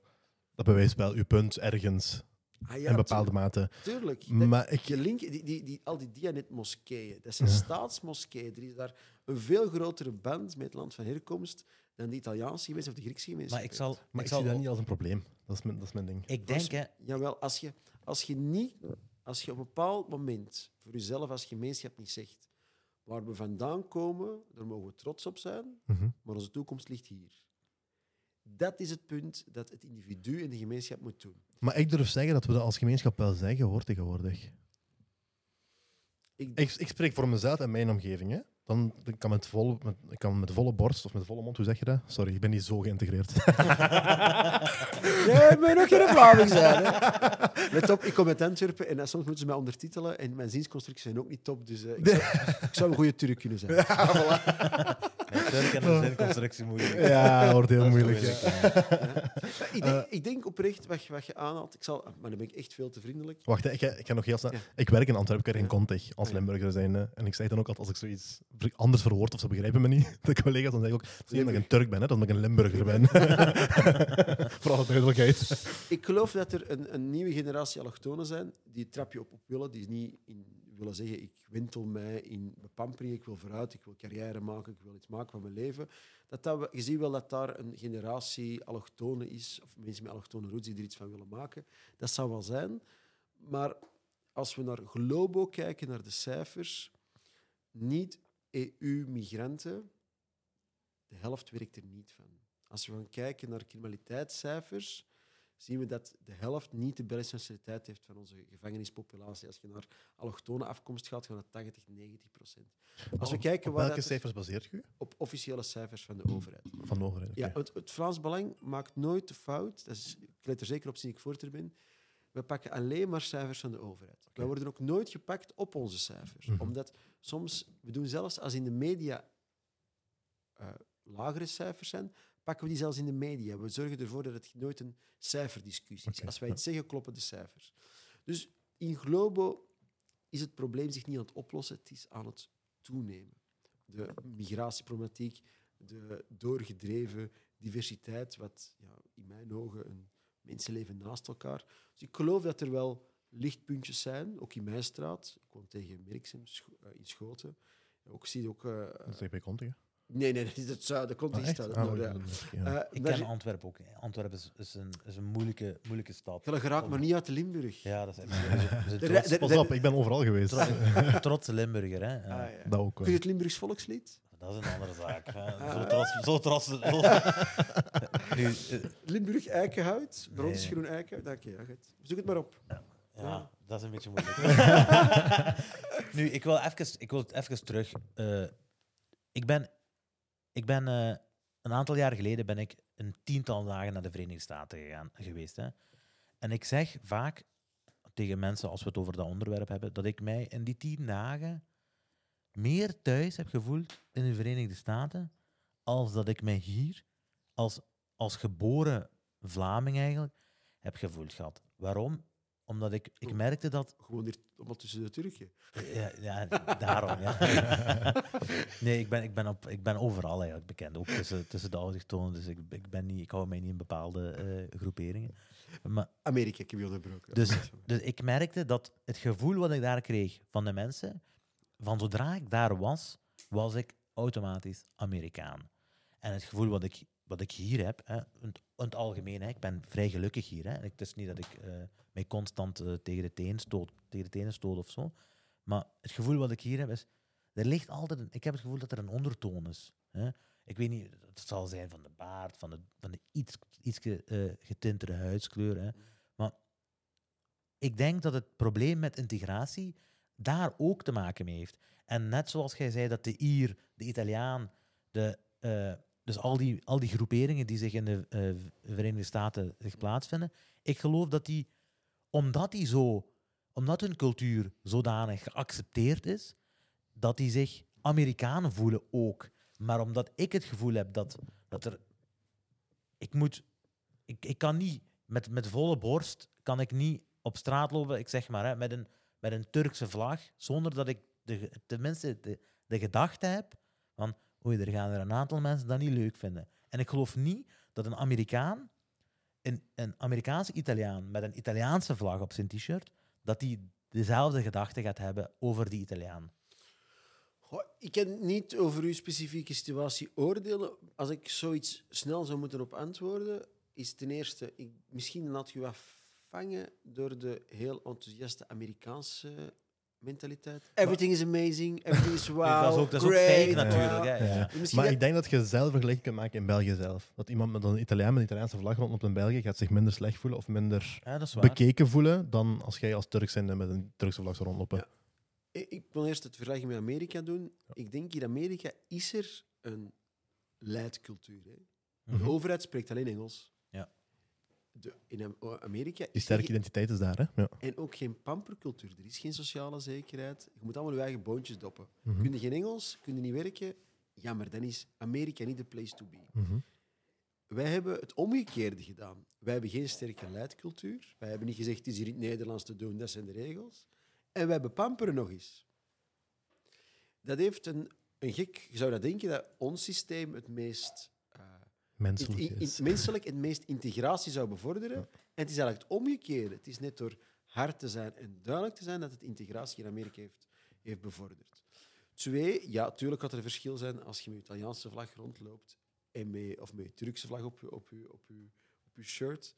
Ja, dat is omdat het aantal conflicten dat er zijn tussen de Italiaanse gemeenschap of Europese, niet eh, EU-migrantengemeenschappen en niet-EU-migrantengemeenschappen, ja, dat dat iets, iets couranter is. Hè. Daar moeten we ook niet flauw over doen. Hè. En ook de grootte speelt ook mee. Hè. De grootte van de gemeenschap zorgt ook dat er meer conflict is. Ja, we hebben geen conflicten met de Chileense gemeenschap. Ja, we zijn misschien met 100 in heel Vlaanderen. Het zal Ja, wel iets ja. meer zijn. Dus de grootte van de gemeenschap en het aantal conflicten. Ja, ik vertel het ook niet de zotste dingen dat er wel wat conflicten zijn met de Turkse gemeenschap en de, de Vlaamse gemeenschap. Mhm. Allee, er is een reden omdat we in Borgerhout spreken over de mokromafia. hè. Dat zijn niet de, de Chinezen die, eh, waar dat je je zakje wiet gaat kopen. Hè. Het is bij de Marokkaanse gemeenschap dat dat zit. Gaat het goed bij Mohammed of wat? Ik, eh, ik kan zeggen dat ik dat nog nooit in mijn leven gebruikt heb. Nog niks. Dus, eh, Dat is te beter, dat is te beter. Ik denk dat je een van de weinige politiekers bent. ehm. Ja, inderdaad. Er is ook heel veel hypocrisie over. Ik, ik die film, de, In Touch, nee, In Touch was nee, de andere. De film over hoe dat ze El Capone hebben gepakt. Eh, vier politieagenten of vijf politieagenten die zorgden dat ze helemaal niet corrupt waren. Een klein team. Mhm. Ik geloof ook dat dat werkt. Je kunt geen witte neus hebben als politicus en dan zeggen ik ga de war on drugs voeren. Dat gaat helemaal niet. Dat is flauwekul. Zie dat je onchanteerbaar bent op die zaak. Dat is waar. Ja. Nu, over politieagenten gesproken. Oef. Hoe was u, wat, wat, wat was uw gedachtegang over politieagenten voor uw altercatie? Dus misschien En- er heb een flip, filmpje tussen duwen. Dat is zo, eh, ja, ja. animated, zo. Zo. Ja, ja. Er zijn een paar grappige eh ehm videomemes. Want het is een dat spektakel geweest. Hè? Ja, een spektakel vond ik dat nu niet Ja, jij zelf. misschien niet direct. jij misschien niet direct, nee. De vraag is, is mijn blik op politieagenten veranderd of politie? Hmm. Helemaal niet. Eh, ik ben een zoon, mijn vader was eh, rijkswachter, BOB. Ah, ja. Dus ik heb het grootste respect voor het uniform. Mhm. Waarom? Omdat ik vind dat zij, wij hebben als... Misschien maak ik het allemaal wat ingewikkeld en moeilijk, maar eh, in Europa hebben we beslist dat het monopolie van geweld bij de politie ligt. We lopen zelf niet... In Amerika is dat niet. Iedereen is gewapend. Ja. Mhm. Eh, wij hebben dat aangegeven. Dus ik heb het grootste respect voor politie, want politie vertegenwoordigt de staat en de wetten en de regels. Bon. Net zoals in iedere eh, beroepscategorie de rotte appels, driftkikkers en dergelijke meer. Concreet het geval daar, we waren rustig aan het betogen, het recht op betogen, recht van, op vereniging heb je, recht op vrijheid van meningsuiting.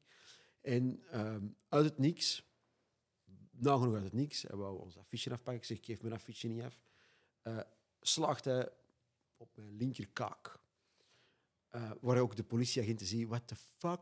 What Ja. the fuck doet die gast? Wat een felle reactie. Ja, beeld, nu, kleine zijsprong. Mocht dat nu in, ik zeg maar iets, in Rusland zijn gebeurd, waar de oppositieleider slaag krijgt van de politie, het was wereldnieuws geweest.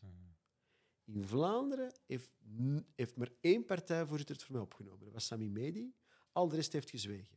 Serieus, En van de rotte journalisten die opiniestukken schreven, dit komt van Grieken wel goed uit. Ah ja, leuk ze, hè? Maar op mijn gezicht, komt me goed uit. Welke, welke zieke geest moet het zijn? Denk je dat ik dat leuk zou Nu, vinden? pas op. Pas op. Ja. Ik ging dat ook vragen. Ja? Hè, ik ging vragen aan u, was er niet... Nu, je gaat er... De kans is er dat je daar niet eerlijk op gaat antwoorden.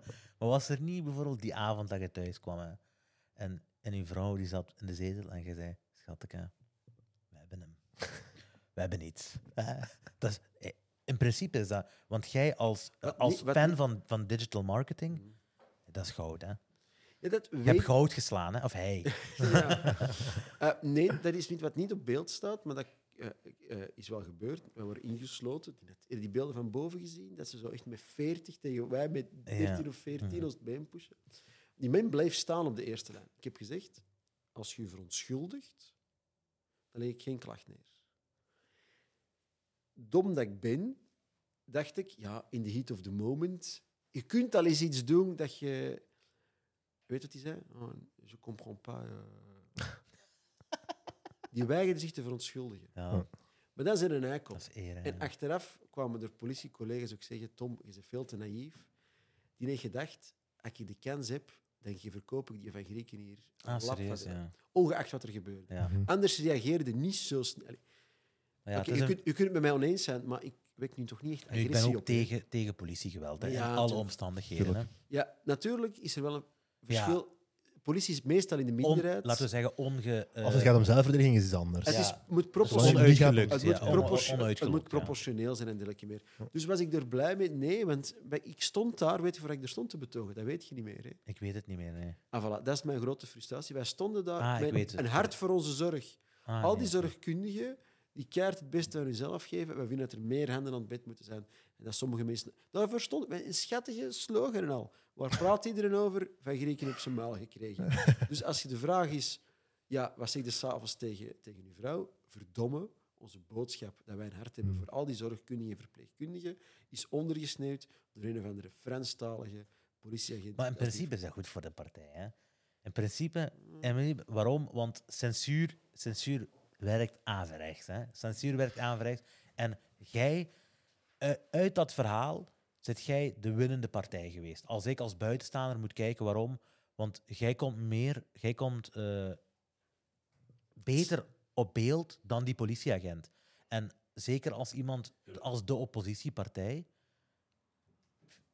ja, hoe moet ik dat zeggen? Dus, het, is een beetje, het is een beetje de jongen die wordt gepest. Hè. De, de pestkop die wordt niet goed gezien. En de, Het slachtoffer en zo. Exact, ja. Ik snap dat je dat zou zeggen.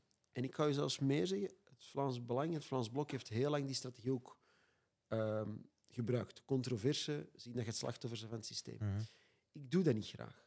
Weet je waarom? Dan gaat de discussie over de controverse. En ik blijf graag ook weg van geweld, te koer. Ik heb er niks mee. Mhm. Ik heb graag dat het gaat over de boodschap. Zoals ik zei, ik heb het graag, ik heb het graag gehad over de zorg en niet over dat geweld. Want weet je wat het probleem is? Als ik er juist bepaalde dingen aan het zeggen was, gezond, zag ik twee Turken heel hard knikken. Ja, daar heeft hem eigenlijk gelijk in. Maar als ik controversen opzoek, ga ik wel praten over de controverse en niet over mijn inhoud. Dus nee, ik, heb alles, ik doe er alles aan als voorzitter om weg te blijven uit controverse om te choqueren. Nu, Wij- lokken voor de inhoud is ook niet... eh, Nee. Ja, maar ik geloof dat onze inhoud sterk genoeg is en vaak de realiteit chockerend genoeg is om het erover te hebben. Allee, ehm, Ik begrijp, ik begrijp het wij, wij, en we hebben heel succesvol, geda- succesvol gedaan. En ik, ik heb me er ook al aan bezondigd. Ik ben niet heel graag aan de pauze. Chockeren om te chockeren, om een debat op gang te brengen. Maar dat doe ik gewoon niet meer. Ik kan een voorbeeld geven, los van, migratie, los van veiligheid.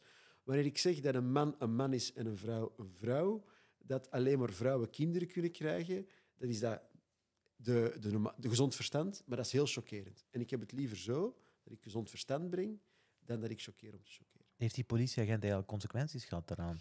Heb je een klacht Heb je geen ingediend? klacht ingediend? Ik heb ja. klacht ingediend. De- Da, da, da, dan. ja, maar ik, wat ermee gebeurt, ons gerecht gaat zo traag. Ja, ja. Eh, dat zien we dan weer wel. En eigenlijk is het stom als die is een overste had gezegd. Eigenlijk, die politieagent, dat is een driftkikker, en dat hij dan gewoon sorry had gezegd. Maar wie eigenlijk in fout is gegaan, zijn zijn overste. Waarom? die hadden niet zo agressief met zo'n politiemacht ons moeten zo met geweld bejegenen. Twee, ze hadden gewoon moeten zeggen, eh, ik weet niet wat heet, ik zal hem Jean noemen. Dat zal niet Jan zijn, Jean. Jean, naar van achter, meneer Van Grieken, dit kon niet door de beugel, dit is hoe dat je klacht neerlegt. Dat hebben ze niet gedaan. Ik heb de, de verantwoordelijke en eh no, pas de commentaar, geen commentaar in die liep weg. Hmm. Leidinggevende, die moeten nu verantwoordelijk zijn. Zou je dan ook echt geen klacht neergediend hebben? Moest het zo gelopen zijn? Ja, tuurlijk. En moest... Ik ben- je gaat ook niet dood van een lap op je gezicht, maar je Nee, doet nee, het ja. niet. Eh, ik hou niet van de babymentaliteit, maar het gaat over macht misbruiken, geweld misbruiken. Ehm, zou je hetzelfde gedaan hebben? Of stel dat dat geen Jean was, maar een Mohammed was. Ik ben blij, want ik heb het nog eens gehad, dat ik in, in Brussel, in de Wetstraat, in conflict kwam met een eh, allochtone eh politieagent. En dat was minstens evenwijdig. Ja, dan kreeg je wat de, de controverse erom. Tom eh geraakt in conflict met een agent omdat hij een allochtoon is. En als die Ja. allochtoon iets doet, is het omdat hij Nu allochtoon in is. Waal, dat, dat, dat is een goede tweede plaats. Hè. Dat is juist, dat is juist. Als je dan zondebokken zoekt... eh, Nee, dat is.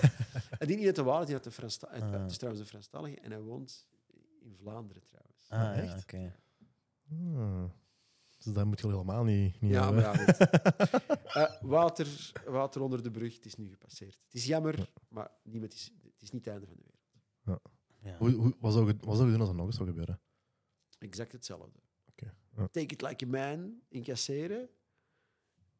En nadien gewoon, uw actie nadien. Want ik heb nadien direct een filmpje opgenomen en ben live gegaan, waarbij dat ik zeg, eh, eh, ik ben kwaad wat er gebeurd is. Ik neem het eigenlijk, die politieagenten die er staan, het niet kwalijk. Het zijn de orders die ze gekregen hebben van hun overste, Mhm. van de PS, burgemeester Klozen. Hmm. Ja.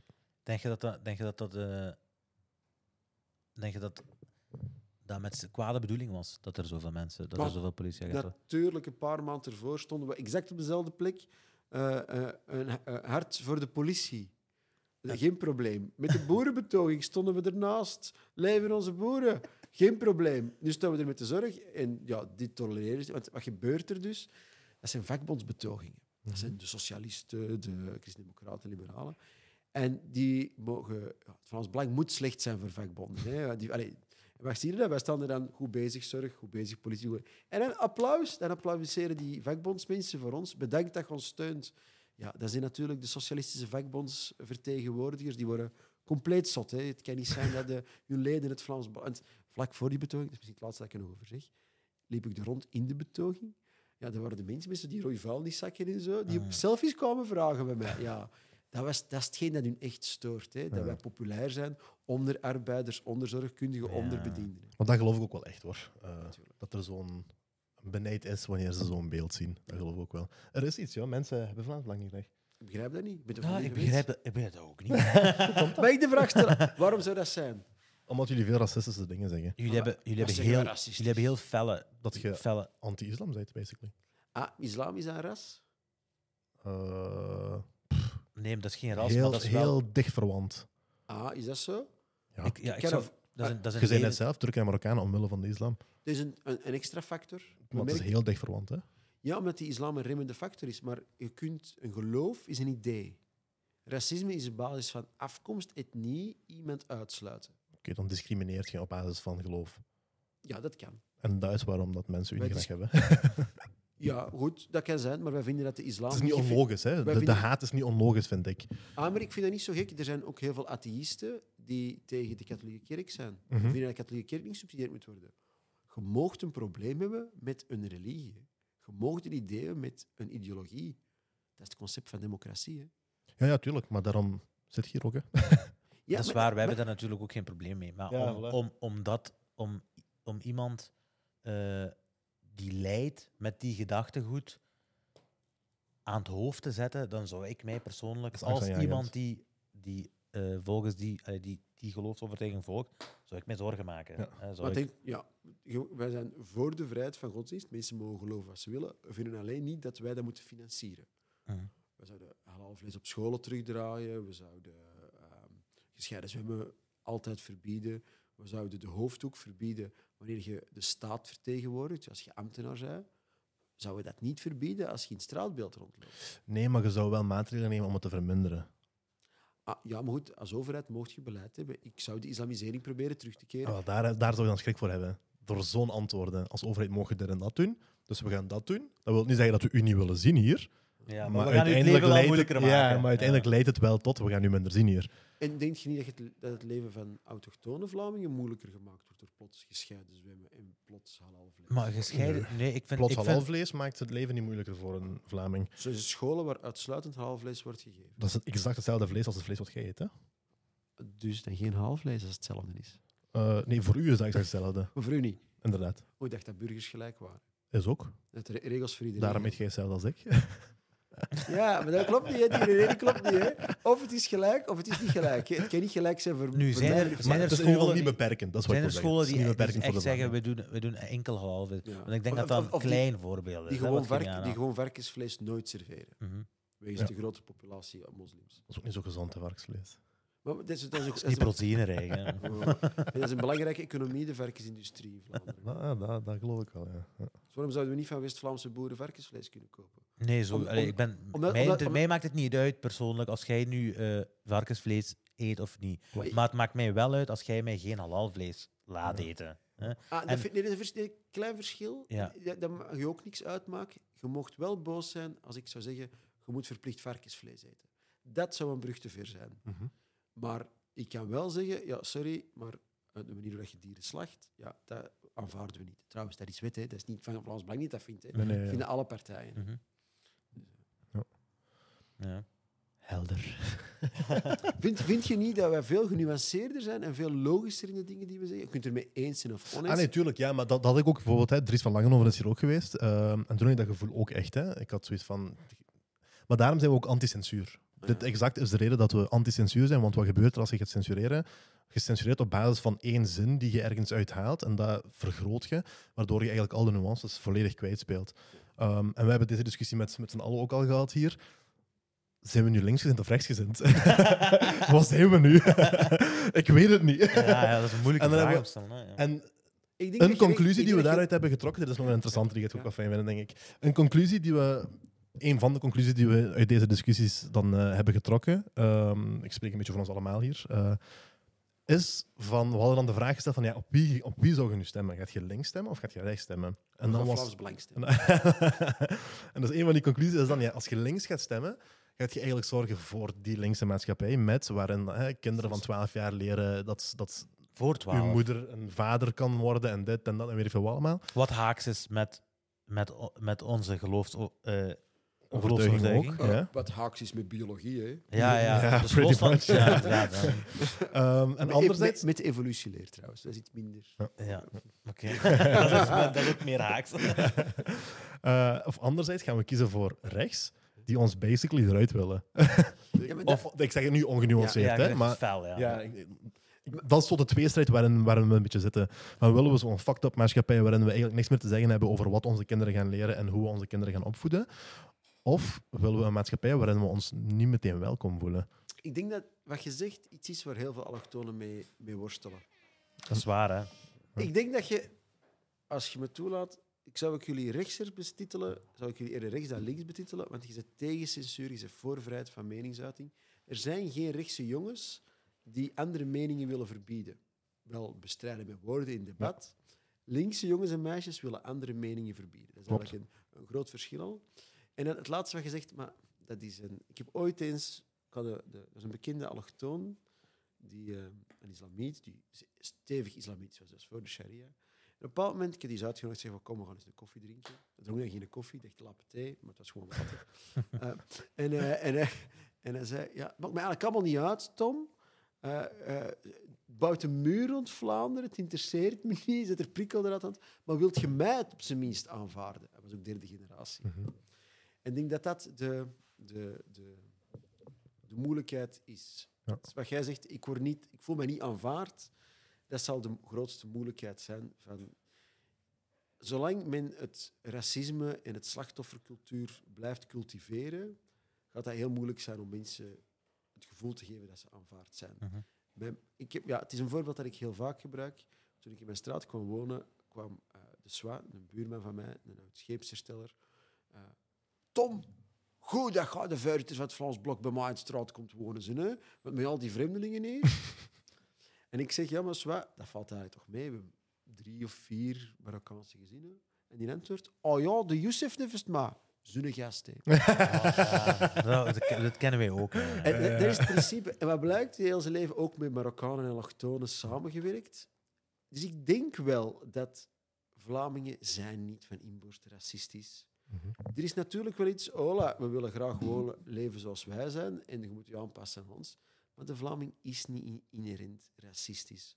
Er gaat altijd wel iets zijn, ja, net zoals als je wel een donkere huidskleur ja, dat gaat iemand zien en je bent niet kleurenblind, net zoals iemand ook roze of blond haar of bruin is. Dat gaat er altijd wel zijn, maar dat zal de grootste uitdaging worden.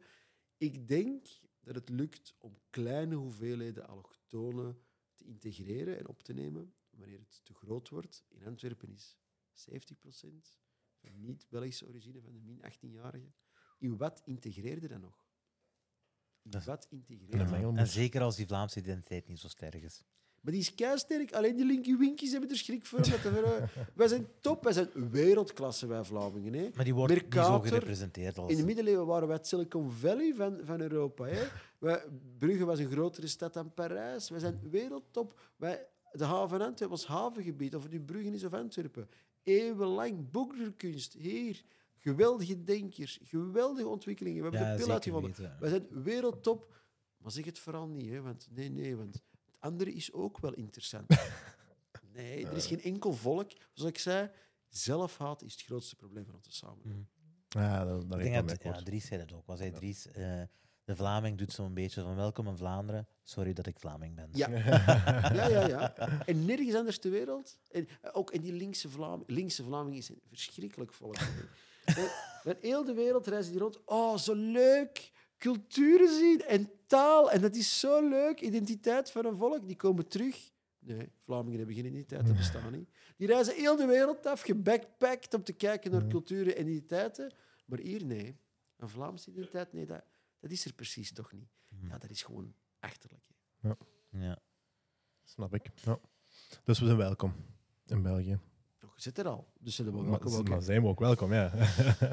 Ja, we moeten realistisch zijn. Er gaat, een, er gaat hier gewoon altijd blijven. Hè. Ik vermoed het toch? Trouwens, ja, in- ja, Turks- vermoedelijk inderdaad. In de Turkse gemeenschap trouwens is er op tien jaar geleden was het een trend om terug te keren naar Turkije. Toen Erdogan het nog het iets beter deed met zijn economie en geen inflatie was Ah, en zo. dat was dat Ik denk dat de trend er nog altijd is. Hoor. Ja? ik denk dat er nog genoeg Turken zijn die zeggen van ik ga later eh, terug Die, naar mijn eigen ah, die, land. veel. die het zeggen, maar dat is ook een tien jaar geleden gingen er ook wel wat. Was wel eens- zelfs bijna statistisch waarneembaar. Die kwamen ook terug. Nu, Spanje Ah. lijkt mij ook wel leuk eigenlijk. Ja. Spanje. Ze hebben er ooit al eens de islam buiten gekeerd. Daar. Is Let op waar dat je vestigt. Spanje gevaarlijk. Oh, nee, maar het is fijn om te dat ze welkom zijn.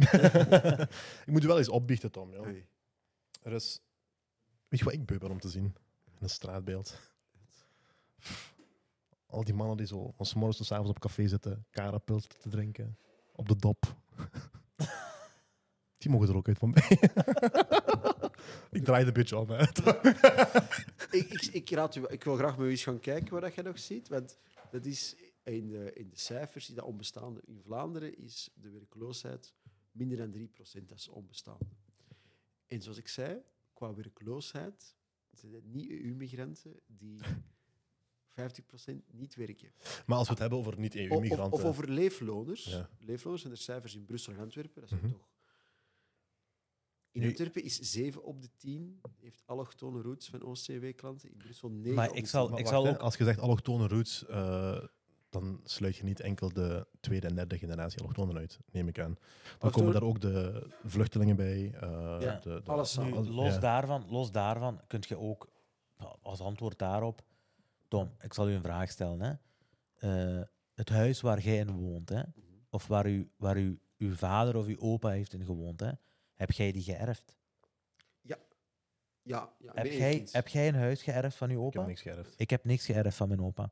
Dat betekent Ja. dat jij stabieler Hè? Dus jij hebt een voorsprong, hè? maar dat is normaal, hè? want serieuze bent oorsprong van, je, je hebt als oorsprong Vlaanderen. Ik moet, Wij ja, hebben het sowieso, wij hebben het sowieso moeilijk. We're hè. not blaming you, hè, voor Nee, alle nee, maar duidelijkheid. is, Dat is- statistisch dat is- gezien is dat duidelijk. Ik hè. moet ja zeggen, maar dat is omdat mijn moeder gestorven is en mijn grootmoeder. Maar mensen van onze leeftijd hebben nog levende ouders en grootouders. Die hebben niks geërfd.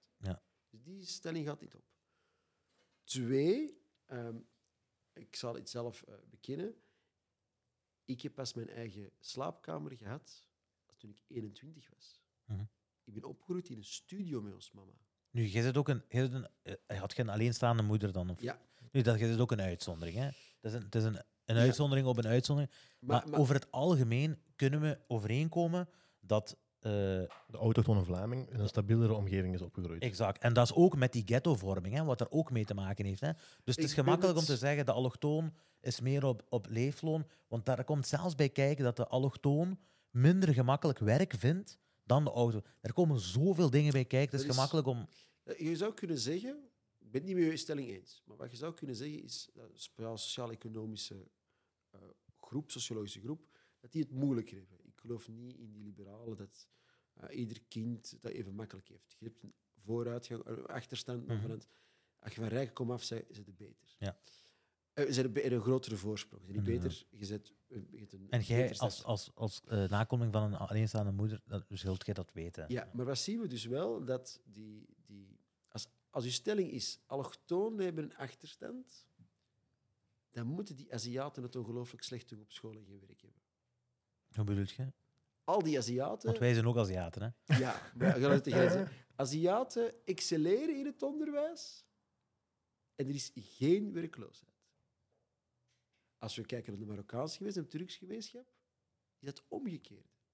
Dus je stelling klopt niet dat het omdat je allochtoon bent dat je achterstand hebt. Er moet een andere factor zijn. Ja, ja, en die andere factor is dat we niet in dezelfde omgeving zijn opgegroeid als die Maar- Aziaten en als de autochtone Vlaming. Ik ken u een beetje de... de Want die Azia- Aziaten de werden niet in ghettos gestoken. ik ken onder een andere. Er beetje- waren geen Aziatische mijnwerkers, hè? Ik ken een beetje de, de, de, de, de Chinese gemeenschap in Antwerpen. Dat is ook een beetje ghettovorming, dat zijn maar enkele straten. Maar Die, dat is ook... die leven ook niet in grote rijkdom en zo. Maar er is toch iets... Allez, je mocht niet, dat kun je niet veralgemenen. Maar dus, ja. Maar bijvoorbeeld de Poolse gemeenschap, ziet je dat niet? Er is, Poolse werkloosheid bestaat niet in, in ons land. Dus er moet er nog een andere factor zijn. Nee, Die werken te veel, die Polen. die werken te veel en voor te goedkoop. Ja, dat is het probleem. dat is het probleem daar. Dus al- alles heeft een beetje zijn probleem. Dus En de Chinezen zijn, zijn, ik moet ook zeggen, de Chinezen zijn ook een serieuze uitzondering. Hè? Want dat zijn precies robots. Hè? Ja. Dat zijn precies, die hebben chips en een. a- eh, Ja, dat is ook iets die werken zo. Die werken zo. eh, die, zijn, die zijn bekend als de Joden. Hè? Die werken zo, hoe moet ik dat zeggen? In, in een rechte lijn. Hè? Dat is precies zo, zo goed gecalculeerd. Maar hè? als ik dan even mag, dus de, de Joodse gemeenschap die werken te hard, die werken heel hard. Chinezen hebben elkaar als robots qua werkers, Polen werken te hard, die Vlamingen werken te hard. En de allochtonen hebben het gewoon moeilijk. Het is maar dat ik je goed begrijp. hè. dus ik denk dat. eh, Pak de, pak de- hangt hier een, la- een landkaart, een wereldkaart op en gooit met een pijltje. Eender waar dat pijltje terechtkomt, je gaat minder kansen hebben dan in ons land. Er zijn heel veel kansen qua onderwijs, Mhm. ook qua werk, ook qua sociale ondersteuning. Ik ga akkoord. Ik ben ook geen goed voorbeeld ervan. Ik heb denk ik in mijn leven is er geen dag dat ik bekend niet heb gewerkt. Als je al mijn werkuren gaat optellen, dan zou je zelf zeggen die man is 50 jaar. Ja, dat is echt- Hè? Maar dus, dus ik, ik, ik spreek ook voor de mensen die het moeilijker hebben als mij. Hè. Ik, ik heb ook. eh, mijn ouders hebben het goed gedaan ook, hè, maar Maar ja, dus dat is het hele punt. Het is ook een beetje... Ik ga de olifant in de kamer benoemen over onderwijs, want dat is iets waar je naar verwijst. Zijn de kinderen dommer geworden? Nee, hè? Mhm. Ieder kind heeft talent. Zijn de leerkrachten racistischer geworden en discriminerender geworden? Nee, hè? Het, eh, leerkrachten gaan echt voor de motivatie. Zijn de scholen zoveel slechter? Er is er nooit zoveel geld naar scholen gegaan. Zou het misschien ook wel kunnen dat verdomme die ouders eens naar de oudercontact moeten gaan en zorgen dat hun kinderen in het Nederlands ook thuis opgevoed worden? Of op zijn minst aandacht is voor de Nederlandse taal. Je kunt niet alles op de staat steken. Mhm. Je kunt niet zeggen, ja, maar het is de samenleving we geen kansen geeft en de leerkrachten niet en zo. Op, we zeiden er juist, die dat jij het zei, uw ouders hebben een plicht doordat ze uw kinderen opvoeden. En ik denk dat er ook daar een olifant in de kamer benoemd mag worden. Ja, ja. Dat de ouders daar een plicht hebben. Voor alle duidelijkheid, ik kom op het sociaal-economische terug. Als jij in shiften werkt, als jij hard werkt, dan heb je geen tijd voor het uh, huiswerk op te volgen. Je hebt geen tijd voor die. Er zijn een paar nadelen, Ja. maar er zijn heel veel ook zorgleerkrachten, begeleiders en zo die dat proberen op te vangen. Maar als je thuis niet hoort, verdomme, je moet vooruit gaan. Allee, heel simpel, ik spreek nog steeds geen goed Frans. Ik ben nooit in mijn leven heb ik meer gehad dan 52% voor Frans. Mijn moeder werkt er in zwart bij om bij bijles Frans te kunnen geven. Omdat ze weet, ja, Tom moet een diploma halen. Het komt ook van thuis uit. Hè. Zo simpel is het. Hè. Ja, ja, dat is ook. Ik zou gewoon bedis- bediscuteren dat eh in de allochtonse gemeenschap niet het geval is. Eh, Aha. Maar de allochtonse gemeenschap, mag ik dat dan toch weer zeggen dat dat niet één noemer is? Want dat stellen we niet vast bij de Chinezen, stellen we niet vast bij de Poolse gemeenschap, stellen we niet vast bij de Joodse gemeenschap. Nee, nee, maar wat ik daarmee wil zeggen is dat, hè, ehm, dat ook in, dat in, bij onze soort allochtonen, dat... Mensen met Turkse roots. ja, Turkse en Marokkaanse Je roots. moet je er niet voor schamen dat je Turks bent.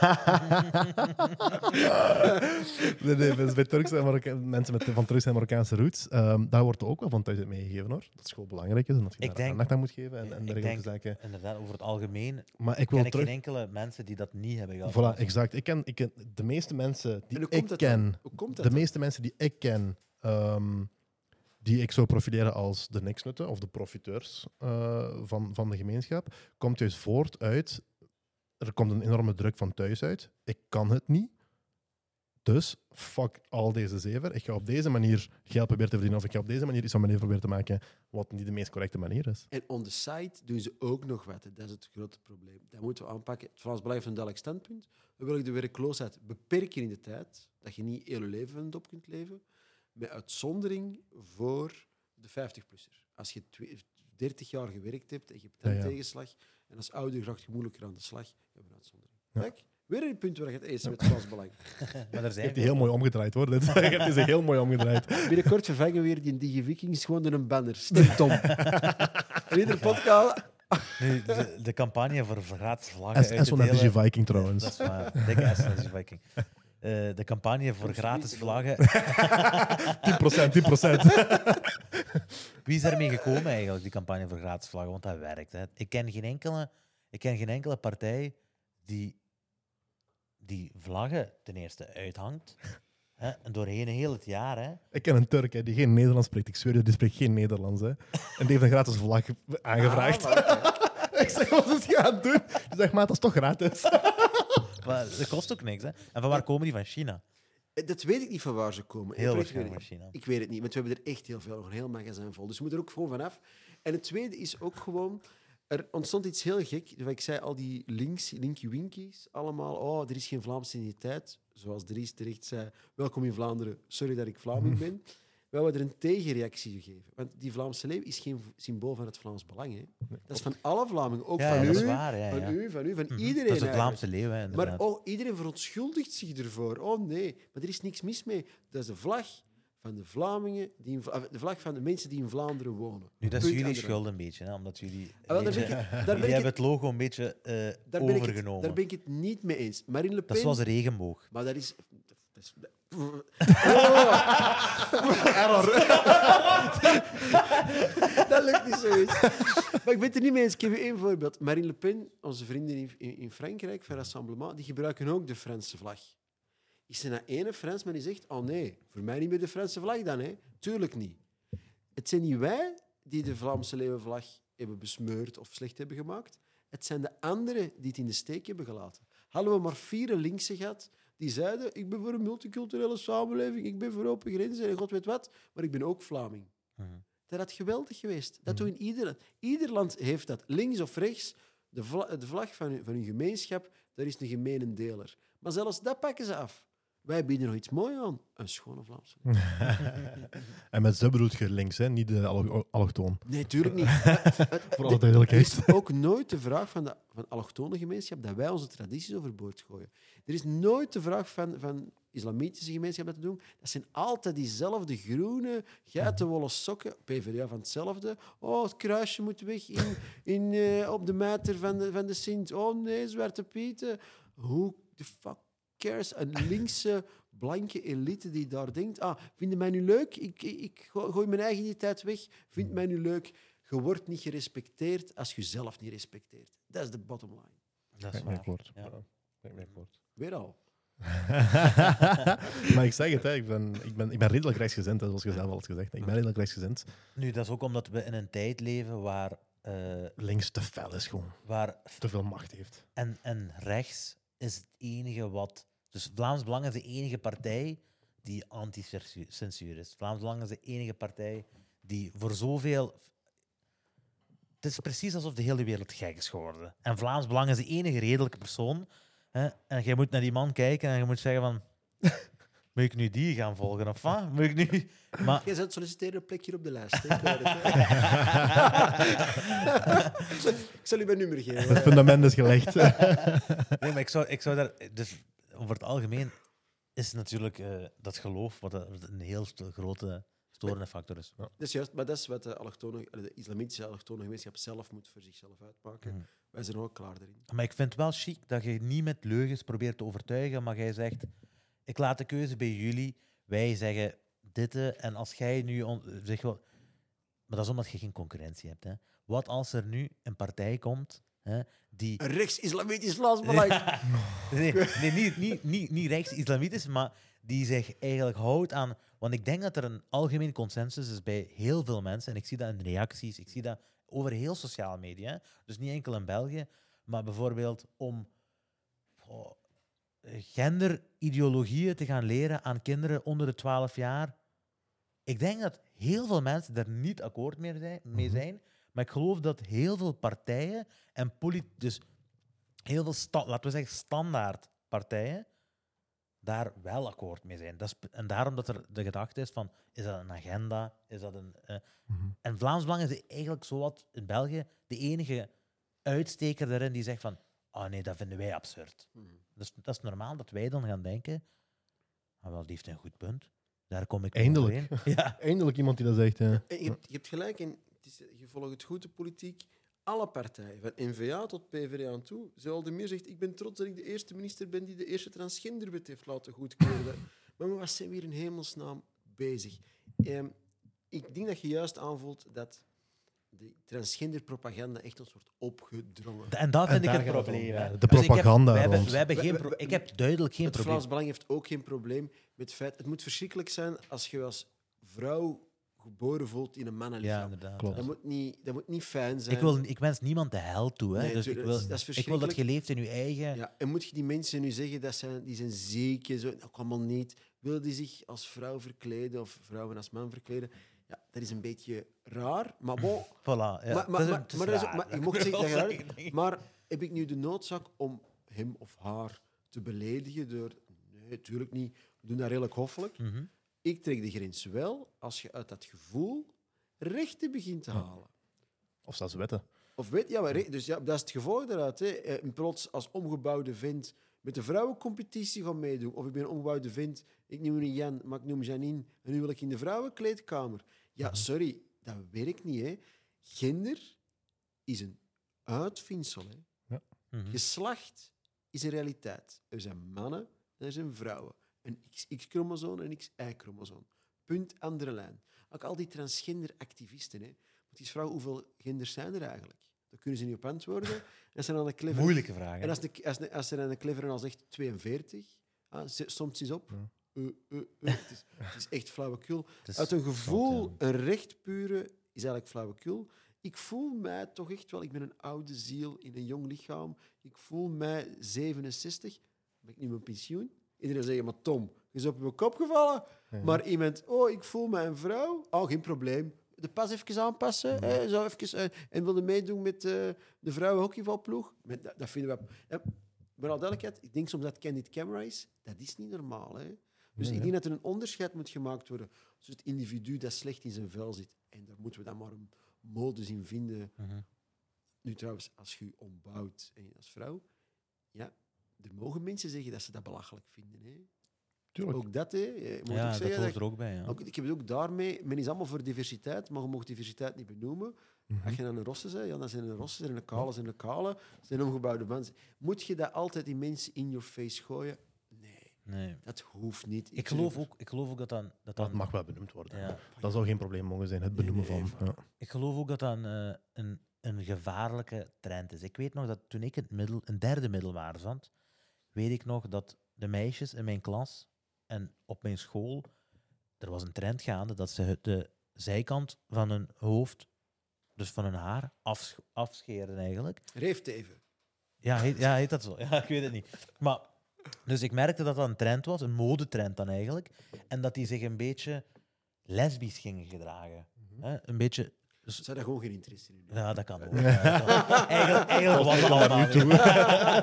Maar Zo, ik, ah, iemand komt. ik merkte dus dat dat een trend was.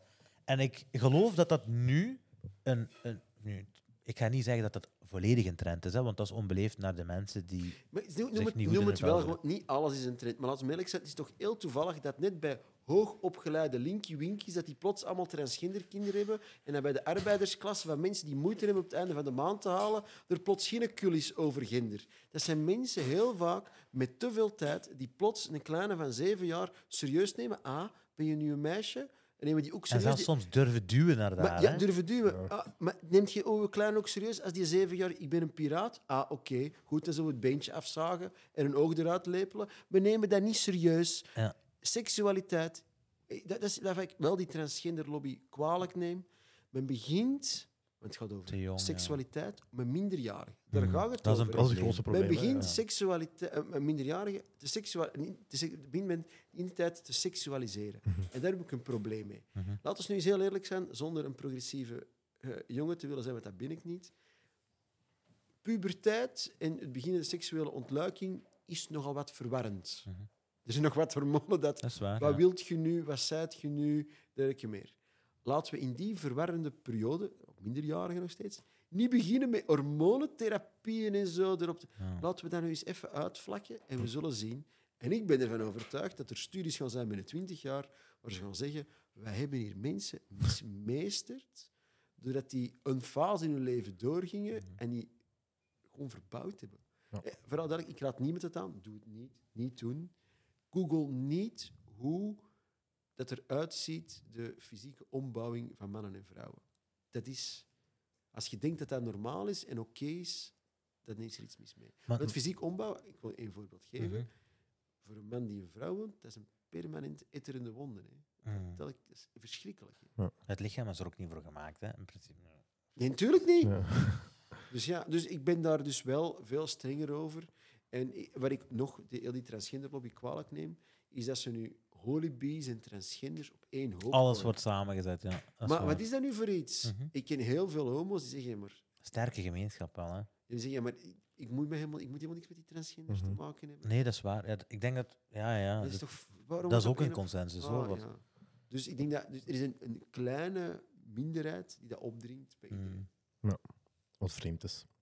Want van waar komt dat? Ja, dat is een, dat is, dat een, een trend. Een, trend dat gaat, op, dat gaat op een vreemde manier. Hè. Er, zoals we zeiden, er zijn ook veel ouders, heel waarschijnlijk, eh, in bepaalde huishoudens die hun kinderen ernaar pushen om dan te kunnen zeggen op, de, op het oudercontact of tegen de Mijn of kind is café van ja, ons Janine, eh, die, eh, wil die worden. Wil Jan worden. hè. die wordt die antwoorden en wij steunen dat volledig. Want wij zijn Gewoon open, om dat te kunnen zeggen. want wij van- zijn open-minded. Ja. Want dat is de-. Want je hebt gelijk, want dat is de val. Mhm. Het moment dat je niet meegaat in de mainstream, Ja. dan zit je, ah, jij bent bekrompen. En daarom ben ik nogal fan van het Vlaams Belang, maar dat nu wel zeggen als partijvoorzitter. What you see is what you get. Mhm. Zoals, je hebt het net opgemerkt, wij praten niemand naar de mond. Hier staan wij voor. Zijt je het er niet mee eens? Geen probleem, staan op een andere partij. Maar ik heb zo'n hekel aan politici die mensen naar de mond praten en mensen die meepraten met. Denk toch eens verdorie voor jezelf en kom op een andere mening uit. Dat is niet zo erg, hè? Mhm. We gaan niet dood van een andere mening. Hè? Nee, het liefst zelfs. Hè. Ja, dat is ook diversiteit. Hè. gevaarlijk. Hè? Ja. Dat is ook diversiteit. Hè. Ja, tuurlijk. Ja. Ik- ik- Dat is echte diversiteit. Als je, als je, zo, als je een linky winky kwaad wilt krijgen, oh, ik ben voor diversiteit. Ah, diversiteit van meningen? Ah, ah nee. Nee, dat kan niet, dat niet. nee, nee, nee. Maar voor- Hoe, hoe zie je dat dan, diversiteit? Dat- Die rijden zich hopeloos vast. Ja, ja, dat is ook. Tom, ik wou, het- ik wou het nog één keer hebben over eh, een clip die ik overlaatst heb gezien op het internet. Uw collega, Theo Franke. Ah, moet ik een andere partij gaan verdedigen? Nee, vertel maar. Nee, gewoon op uw gedachten daar rond. Con-collega. Ja, ik conculeren. Theo Franke was aan Brussel. Ja, Brussel. midden in Brussel. Je denkt, ik zit op café mm, en ik moet heel dringend naar het wc. naar de wc. Heb je, je hebt die clip gezien, hè? Ja. Dus, je hebt, eh, dus, dus om even context te geven, Theo Franke eh, was is op- betrapt met... wa- een- was dronken op café Mm. met een collega-parlementslid, Daya Safai, Ah, en ook nog, ging ja. dan wild plassen. Hoort dat? Midden op straat, zo dat, hè? Hoort dat? Nee. Voor het in gasboete? Ja. Ik heb die beelden niet mee verspreid. Ik vind ook dat er om een duur wel een lijn overschreden wordt. Er, mensen zijn al eens dronken, mensen doen al eens domme dingen, ook politici. Mhm. Natuurlijk heb je een voorbeeldfunctie, dat hoort niet, praat niks goed. Maar ik wil niet aan die manier aan politiek doen. Dat, ah, er is iemand dronken, ik film dat, ik verspreid dat. Ik wil graag hebben dat politiek debat gaat over de ideeën dat het er zijn. Het debat, wat hebben ze gedaan? Wat Mhm. doet de regering? Wat zegt de oppositie? Ik wens niet dat dat getroubleerd wordt door persoonlijke eh, dingen die gebeuren. Nu, los daarvan, om het Vlaams straatbeeld zo te bekladden, midden op straat. Maar, maar hoe dronken moet je zijn als je in een café zit met een toilet, om dan toch nog op straat je ding te gaan doen? Dat is gewoon niet slim. Maar voor daarna een spel van te maken, ik wil liever het debat met Theo hebben over zijn idee. Ik doe niet als je zou willen weten wat ik allemaal weet over politici. Mhm. En hoe vaak er filmpjes getoond worden van je moet iets met doen, Tom, dat is. Ik doe dat niet. Dat is niet hoe ik in elkaar zit. Doen zij dat wel met u? Merk je dat dat, dat gevoel wat je, wat je hebt, dat dat niet... eh, Oh, wees maar zeker, alles wordt. Ik heb zoiets, oh, ik altijd als, als, als voorbeeld. Er was eens eh, een technofeestje in Antwerpen en er is een dame zwaar onder de pillen in het Scheld gesprongen. In de, het Scheld, dat is de Schelde, dat is de Mhm. prachtige rivier in Antwerpen. Prachtige Het, het H- HLN maakt er in de printartikel van. Vlaams Belang kandidaten springt onder invloed in de Schelde. Ik zeg, oh my god, een van mijn parlementsleden is hier over de schrijf gegaan. Dat gaat wat zijn. Ik zeg, ken die dame niet? Die dame had niet het, de vorige lokale verkiezingen op een lijst gestaan in een fucking district op plek 17 of zo. Wa- wa- Wat is dat politiek relevant? Altijd wordt dat erbij gestuurd bij ons. En het is op, het is op die, we zijn zo ver gekomen. Ik drink nu al eh, meer dan 200 dagen geen alcohol. proficiat. Proficiat. Dat is helemaal niet proficiat, domme beslissing. Maar Dus ge- is is gewoon zo anti. Jullie vinden dat goed? Nee. Dat is toch islamitisch, hè? Wijn! om gewoon één, scherp te zijn voor de verkiezingen. En twee, gewoon, ik wens niet dat er een foto is dat ik ergens gezellig met vrienden een pintje te veel uit heb. Ja, dat is iets, ja. Omdat er twee maten, twee gewichten zijn. Met Vlaams Belang wordt alles, alles uitvergroot. Ja. En- dus je zit extra op je hoede. Ik ben extra op mijn hoede, maar tegelijkertijd ook eh, de- zou de frustratie kunnen zijn. Ja, maar die hypocrieten, daarop pakken ze terug. Ik doe niet op die manier aan politiek. Ja, dat is mooi. Dat is niet de quick win. Dat is gewoon op, op een bepaald moment moet je ochtends in de spiegel kunnen zien. Ik wens politieke tegenstanders zo niet te tackelen. Zet jij de, zet jij de, zou je jezelf de meest succesvolle partijvoorzitter van het Vlaams Belang noemen? Oh nee, Tot nu toe. nee. Nu, je gaat dat moeilijk over jezelf zeggen. Hè? Wie dan wel? Eh, eh, onze stichter, Karel Dille, die heeft uit het niks gedacht. Tja, ik ga in 77, terwijl heel Vlaanderen heel links is, maakt 60. Ik ga een rechtse conservatieve partij oprichten. Ik ga voor iets revolutionair gaan waar niemand geloofde. Ik weet zelfs niet of het zelf 100% geloofde. Vlaamse onafhankelijkheid gaan. En vandaag de dag is dat een, realistisch. Dat moet visionair geweest zijn. Bijna 50 jaar geleden zeggen, dat gaat het zijn. En dat uitbouwen tot die partij. En nadien krijg je Frank van Enke, die dat tot 24% toe, samen met Philippe en Gerolf. Dus er zijn wel heel succesvolle partijen. Maar ik wil dat ik een... ik- Of, ik weet het, als Antwerpenaar is dat chockerend dat ik niet vol lof over mezelf ben. Als ik iets, als ik iets mezelf zou willen toedichten, waar ik wel heel trots op ben, is dat Vlaams Belang niet is verdwenen. Oké. Want negen jaar geleden hadden we nog maar 5%. Niemand gaf een eurocent voor ons als partij. Ze dachten, ja, Ze hebben hier die snotneus van 27, partijvoorzitter gemaakt, een kindsoldaat. Was je Maar- 27? 27. Ik Dat was, chic hoor. ik was heel, heel jong. Op carrièrevlak, chapeau. Ja. Ja, en ik heb dat me helemaal gegooid, alle risico's van dien. En het Frans Belang is niet verdwenen. Daar ben ik wel trots op. Ja. Wat de scores zullen zijn volgende verkiezingen, of hoe het Frans Belang evolueert, dat, dat laat ik voor historici. Ik kan wel zeggen dat ik heb gezorgd dat het Frans Belang niet is verdwenen. En is gegroeid, mogelijk. Ja, dat we nog meer groeien. Je eens zien dat ding niet. Ik wil ook wel zeggen, Dries van Langhoven was een goede Robin to your Batman. Dat misschien eerder Dries de Batman zijn en ik het. Ik weet het niet. Nu, Dries heeft, dus nu, in sommige gevallen is dat, allee, in Ik had sommige Dries- aspecten is dat waar. Hè. Dries ik is, had, ik is- had Dries echt heel graag. Ik vond hem een heel goede politicus. Ik vind het onheus wat hem is aangedaan wordt. In het slechtste geval heeft hij iets stout gezegd. Hè. Ja, ja. Je mag geld pikken als daar politici. gaan we je volledig mag mee Nee, niet we akkoord. gaan daar volledig Ja. mee Maar Maar hij heeft open al in het slecht, ik vind dat hij iets fout heeft gezegd, maar in het slechtste geval is het dat, hoe dat hij zijn studie is buitengegooid door de universiteit, buitengegooid Ja, bij banken. ja. Dus Hij is Dries heeft iets vreemd meegemaakt. echt, ja. Crapuleus. En de media blijft maar die dingen schrijven. Ja, dat is een beetje Dus absurd. Dus ik had, en ik had gezegd, Dries, het is niet dat je nu in een politieke storm zit. Binnen vijf jaar zijn we weer vijf jaar verder. Fuck dat proces. Winst of verlies, dat maakt me niet uit. Je talent, laat het niet doen. Kom, we gaan, kunnen ons samen versterken. Hij heeft nu een andere keuze gemaakt. Ook weer een heel moedige keuze. Voor aan politiek te doen, maar niet binnen partijpolitiek. Mhm. Dus met filmpjes, met zijn... Doet eh, dat goed, hè? dus dat, dat doet hij heel goed, flankerend. Eh, en hij heeft ook, we moeten niet flauw doen, terug de vrijheid om zo de dingen meer te zeggen zoals hij dat wil zeggen. Mhm. Als je partijpoliticus bent, dan wil je toch altijd dat de partijvoorzitter tevreden is hoe dat je iets zegt. Tuurlijk. Ja. Maar dat past perfect bij Dries zijn imago. En ook de manier waarop, waarop gewoon die zijn video's maakt en zo. Ja, chapeau, die doet dat goed. Dan zijn we hier reclame aan het maken voor het YouTube-kanaal van de VRT, voor Dries. Echt We zijn hier... eh, moet dat voor ons nog reclame maken? We zijn de hele tijd over Vlaanderen lang bezig. We hebben gezegd dat er gratis vlaggen zijn. Ah, ja, ja. Leeuw, eh, wacht, hè. Leeuwenvlag.Vlaanderen. Kun je dat allemaal gratis Voilà. halen? Ah, Voilà. Ehm, ik denk, we kunnen gaan naar de fan questions. En Ja, dan we kunnen we nog afronden. een Dat is ons af. en dan zijn we We klaar. zijn keihard we doen dat. hè. Mensen hebben ondertussen al in slaap gevallen. Echt waar, ja. Dat betwijfel ik, dat betwijfel ik. We Nee, dat is de eerste aflevering van seizoen 3. Ik denk dat de mensen blij zijn. Dat We we, heel de zomer moeten wachten, want je kunt die podcast niet beluisteren in Turkije. Blijkbaar. Dat is waar. ja. Die is op Spotify, overal te beluisteren. TikTok, Spotify, Apple Podcasts. We moeten onszelf ook een beetje reclame maken. Dat is waar. Eens kijken. Ehm, eerste vraag. Furkan Meric 1903 vraagt: Wat vind jij van Reuzegom en wat is uw mening over de dood van Sandadia? De mening over Reuzegom is dat de wetgeving onvoldoende is om hogere straffen te geven. De wetgeving is te beperkend daaromtrent. Het Frans Belang is al langer een partij die voor hogere en strengere straffen is.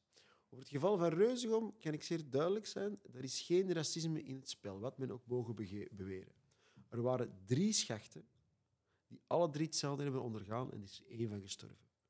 Toevallig had hij een andere huidskleur. Als je een beetje het studentenleven kent, om de tien jaar gebeurt er wel zo'n dramatisch ongeluk. Het is echt een ongeluk. Die reuzengommers zijn een vriend kwijtgeraakt. Hij heeft gekozen om vrijwillig bij die club te gaan. We weten het ook, die doop was. Je weet natuurlijk niet dat je doodgaat, dat wist je niemand toe. En zij kenden hem al. Dat waren vrienden. Dat is een verschrikkelijk ongeluk waar met te veel alcohol in het spel. Dat is er gebeurd. Ik ken het proces niet in details. Misschien kan er een discours gevoerd worden. Hebben ze hun verantwoordelijkheid wel snel genoeg genomen? Maar ze hebben zijn verantwoordelijkheid genomen. Ze hebben hem naar het ziekenhuis gebracht. Ze hebben alles geprobeerd. Misschien te laat, kan zijn. De hetze dat tegen die gasten is gevoerd in de media. Door een eh, YouTuber die hem maar likes wou. Enkel en alleen omdat ze toevallig oude kinderen van zijn. Ik vind niet dat de kinderen gestraft moeten worden omdat ze toevallig van goede komaf zijn. Net zoals ik vind dat kinderen niet gestraft moeten worden omdat hun ouders van slechte komaf zijn.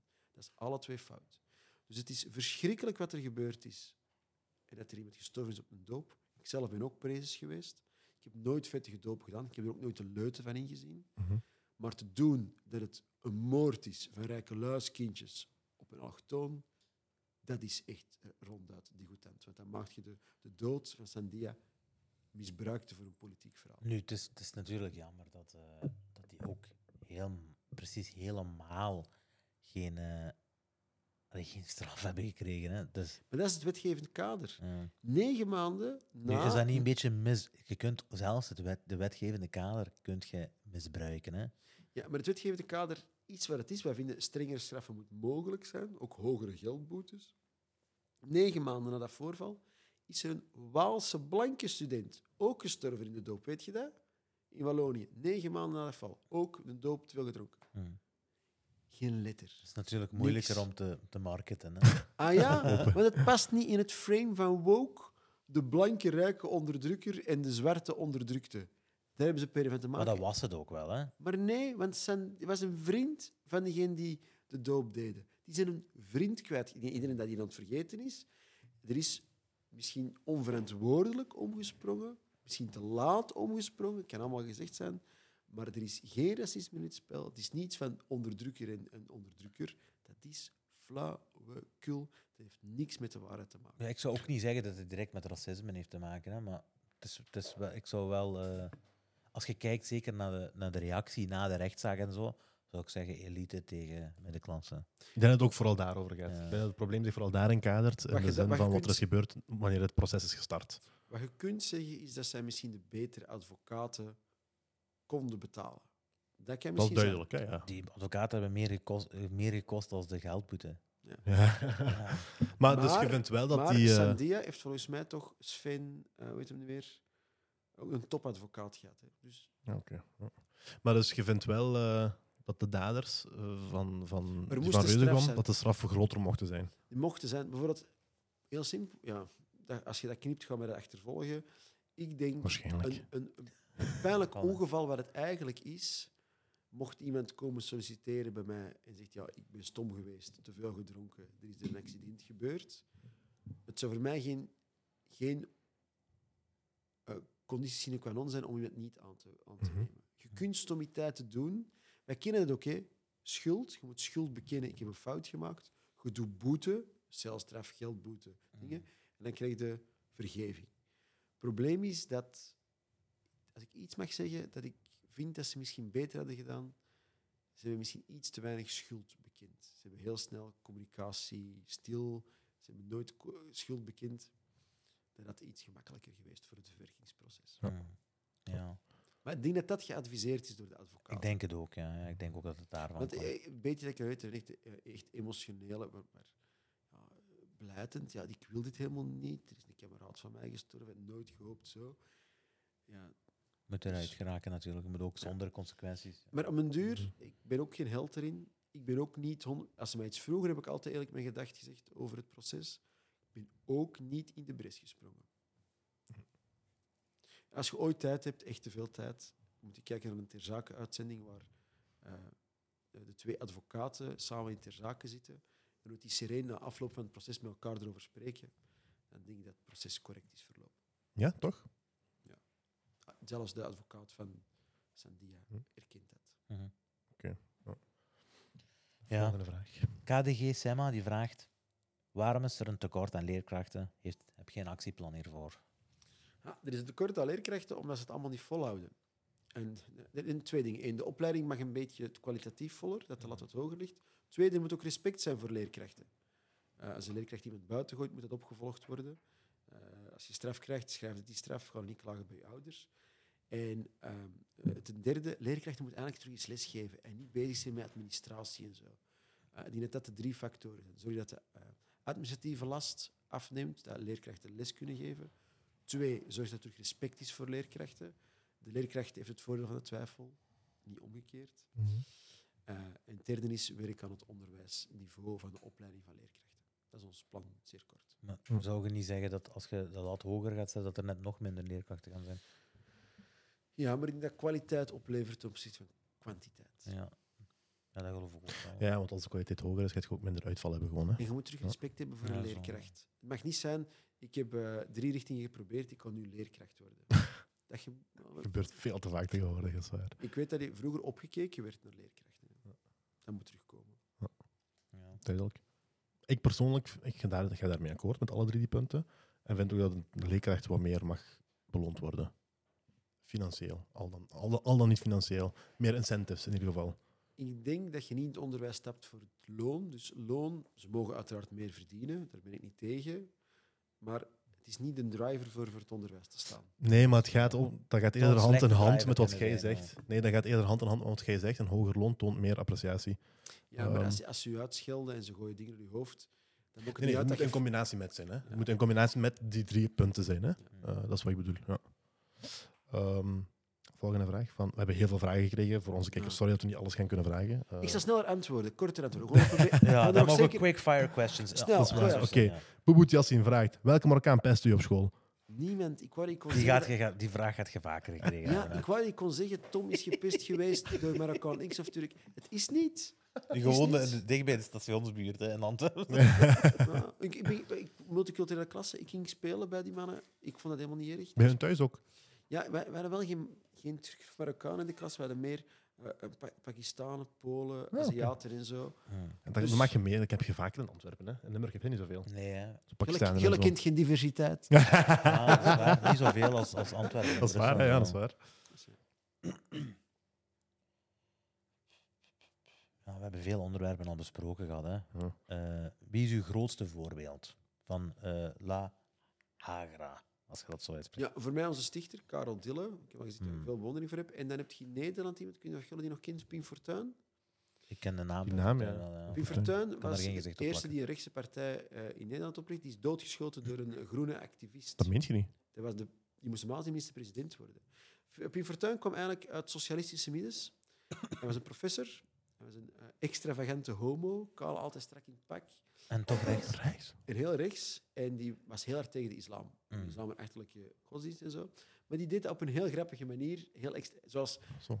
eh, ja, maar bijvoorbeeld, dan vroegen van die linkse eh, eh, eh, snobistische journalisten. Ja, maar meneer Fortuyn, kent u eigenlijk wel Marokkaanse jongens? Kent u die wel?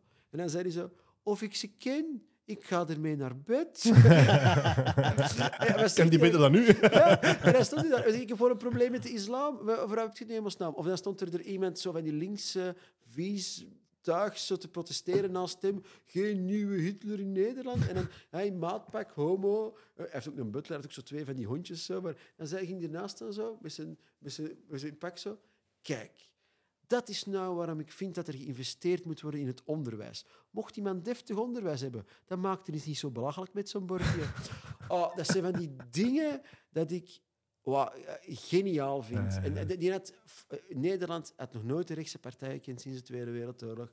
En dat was een revelatie. Ik was aan de grond genageld toen hij doodgeschoten werd. Ik heb, was Dat is natuurlijk emotioneel. nooit het antwoord. Hè, Nee, ja. en als hij zijn begrafenis, dat was immens. Pim Fortuyn. Oké, cool. Eh, Dat betekent ook eens dat we die naam kennen. Hè, ik vind het nog wel een goede vraag, goede inhoudelijke vraag. Eh Tarek Bash vraagt: Wat is de grootste verwezenlijking van Van Grieken sinds zijn voorzitterschap tot nu toe? Ah, eh, ik- gezien dat we aan het einde van het programma zitten, ik zal korter op Mhm. antwoorden. Vroeger dachten wij dat we het eerst cordon sanitair moesten breken. Dan zouden we het cordon mediatiek breken. En pas dan zouden mensen publiekelijk uitkomen: ik ben Vlaams Belang, het sociale Mhm. cordon. Ik denk dat ik dat heb kunnen omkeren. Ik geloof oprecht, als mijn grootste verdienste is, louter van het Vlaams Belang van de ondergang is dat ehm, vroeger zouden twee vrienden die bij de scout zitten op de Giro, en de ene zegt ik stem op groen, en de andere zegt ik stem op Vlaams Belang, die zouden niet meer gesproken hebben met elkaar. Vandaag is het taboe om te zeggen ik stem Vlaams Belang grotendeels weg. In de hogere elite zijn er zogezegd geen Vlaams Belangers. Maar op de werkvloer, bij collega's, ik stem Vlaams Belang, iemand anders stemt iets anders. Dat is nog steeds niet van, oké, allemaal goed, dikke vrienden. Maar het is ook niet van, oh nee, daar spreek ik niet meer tegen. Het sociale stigma is weg van Ik geloof, ik geloof onder Vlamingen wel, maar ik geloof een, een Vlaming naar een allochtoon toe, geloof ik dat niet. Ik heb er niet veel, ik heb niet veel mensen die zeggen ik ben Vlaams Belanger. Dan tegen mij als allochtoon zijn. Nee, ja, dat, denk, dat denk ik ook wel. Er bestaan er eigenlijk allochtonen die zeggen, ik ben Vlaams Belanger. We hebben het net over een gehad. hè. dat, dat stigma zou je snel weg moeten. ik ga wel ergens akkoord denk ik, met wat gezegd. Ja. Ik denk niet, ik heb vroeger in mijn jeugd of tijdens het opgroeien, Ja. Want natuurlijk, dat is, dat is moeilijk om, om te vergelijken met elkaar, hè, want dat het waren kinderen toen. je meer hebben over Ja. politiek dan toen. Ja, Ja, Ja, voilà. Maar, Maar, toen toen heb ik... kende niemand een Vlaams Belanger, maar 20% stemde op Vlaams Belang. En vandaag kent je ook Vlaams Belangers. Dan stemt er maar is 5%. Nee, dat is niet waar. 19 in de peilingen. Eh, nee, maar ik zou wel zeggen dat inderdaad, vroeger werd er helemaal niet over gesproken. Of werd er, over, werd er mee gespot eerder. Hè, van, haha, je stemt zeker op Vlaams Belang, haha, zo. Ehm, terwijl ik nu wel vaker bijvoorbeeld de Vlaamse leeuw zie hangen buiten. ehm, Mhm. wat nog steeds wel wordt gezien als een, Vlaams Belang symbool. voilà, als een Vlaams Belangsymbool. Ehm, en ik heb zelfs een collega gehad, toen ik in Gent werkte, die met een petje naar het werk kwam met Vlaams Belang. Een Ah. petje van het Vlaams Belang. Ik weet niet meer juist wat erop stond, of maar het was duidelijk een petje van het Vlaams Belang. Alhoewel ik de- wel denk dat hij dat expres deed om mij een beetje te... Ah, echt? Ja, ja. Maar allee, ik heb er nooit op ingegaan of zo, hè. dat interesseert me niet. hè. Voor wie je bent. Moet je ook een petje hebben? Dat is gratis. Voor u wel. voor u wel. en nu er een leeuwenvlag bij. Ah, nee, ja. Keihard. Ik denk dat we kunnen afronden. We kunnen inderdaad afronden. Is er hij, nog iets hij wat... heeft, hij heeft zijn gratis petje. We kunnen Ja, voilà, we zijn rond. We zijn goed, hè. Dat was Schakel eigenlijk maar de uit, man. Schakel maar uit. nog niet eens een outro, niks. Nee, is er nog iets wat jij wilt delen, Tom? Nee, ik vond het ongelooflijk eh, plezant en interessant om te doen. Insgelijks. Mochten mensen, misschien een beetje lame, maar mochten mensen nog vragen hebben of zo, eh, geloof de linkse media niet, geloof onze tegenstanders niet, stel de vragen aan ons, mail ons. Met mij tom.vangrieken.vlaamsbelang.org, stuur een berichtje op Facebook of Instagram of TikTok of god weet waar, waar dat je me vindt. Spreek ons aan. We zeggen hoe dat we het echt denken. We gaan u niet naar de mond praten, maar alsjeblieft haal informatie van het Vlaams Belang uit eerste hand. Geloof niet wat onze tegenstanders over ons zeggen. We gaan dingen zeggen dat je waarschijnlijk misschien niet leuk vindt, maar het gaat wel eerlijk zijn. Maar we gaan ook dingen zeggen waar je het eigenlijk wel mee eens bent, eens bent waar dat je misschien niet weet, of onze tegenstanders niet willen dat je dat weet. Mooi om af te ronden. Inderdaad. Tom, bedankt voor te komen. Nog eens. Bedankt voor de uitnodiging. Voor de mensen die nog zijn aan het kijken of zijn aan het luisteren. We zijn boos aan het worden. Wij zijn boos. Deze, dit seizoen zijn we boos. Seizoen 3 zijn we boos. We kunnen er niet meer mee lachen. Nee, ik vind dat niet meer oké. Hoeveel procent? 73,6. Is nog altijd niet geabonneerd. En hoe komt dat uit? Jullie kijken toch? Je zit nu momenteel aan het kijken en niet liegen. Hè. Dus we zijn, we zijn bijna twee uur verder, je hebt ervan genoten. Als je twee uur lang kijkt, dan heb je genoten, hè, vriend. Dus laat een duim, laat een, laat een like achter. Gooi een reactie erbij. Laat je steun zien. Ja, misschien niet direct aan het Vlaams Belang, hè. maar, Wij zijn met veel, hè? voilà, ja, dat, is, dat is waar. Maar er, heel veel mensen van het Vlaams Belang gaan dat ook kijken, waarschijnlijk. Hè. Dat is waar. Die mensen, we hebben nog een aflevering met Dries van Langen over trouwens. Check die even. Nee, maar eh, bedankt voor het kijken, eerst en vooral. Bedankt Ja, dat je uw kostbare tijd, die je eh, ergens anders kon insteken, aan ons hebt gegeven. eh, oprecht, dank u. En voor de mensen die aan het luisteren en aan het werken zijn, jullie zijn de strijders. Echt strijders. Voilà. Mensen, thanks hè. Tot de volgende. Let's go. Zo.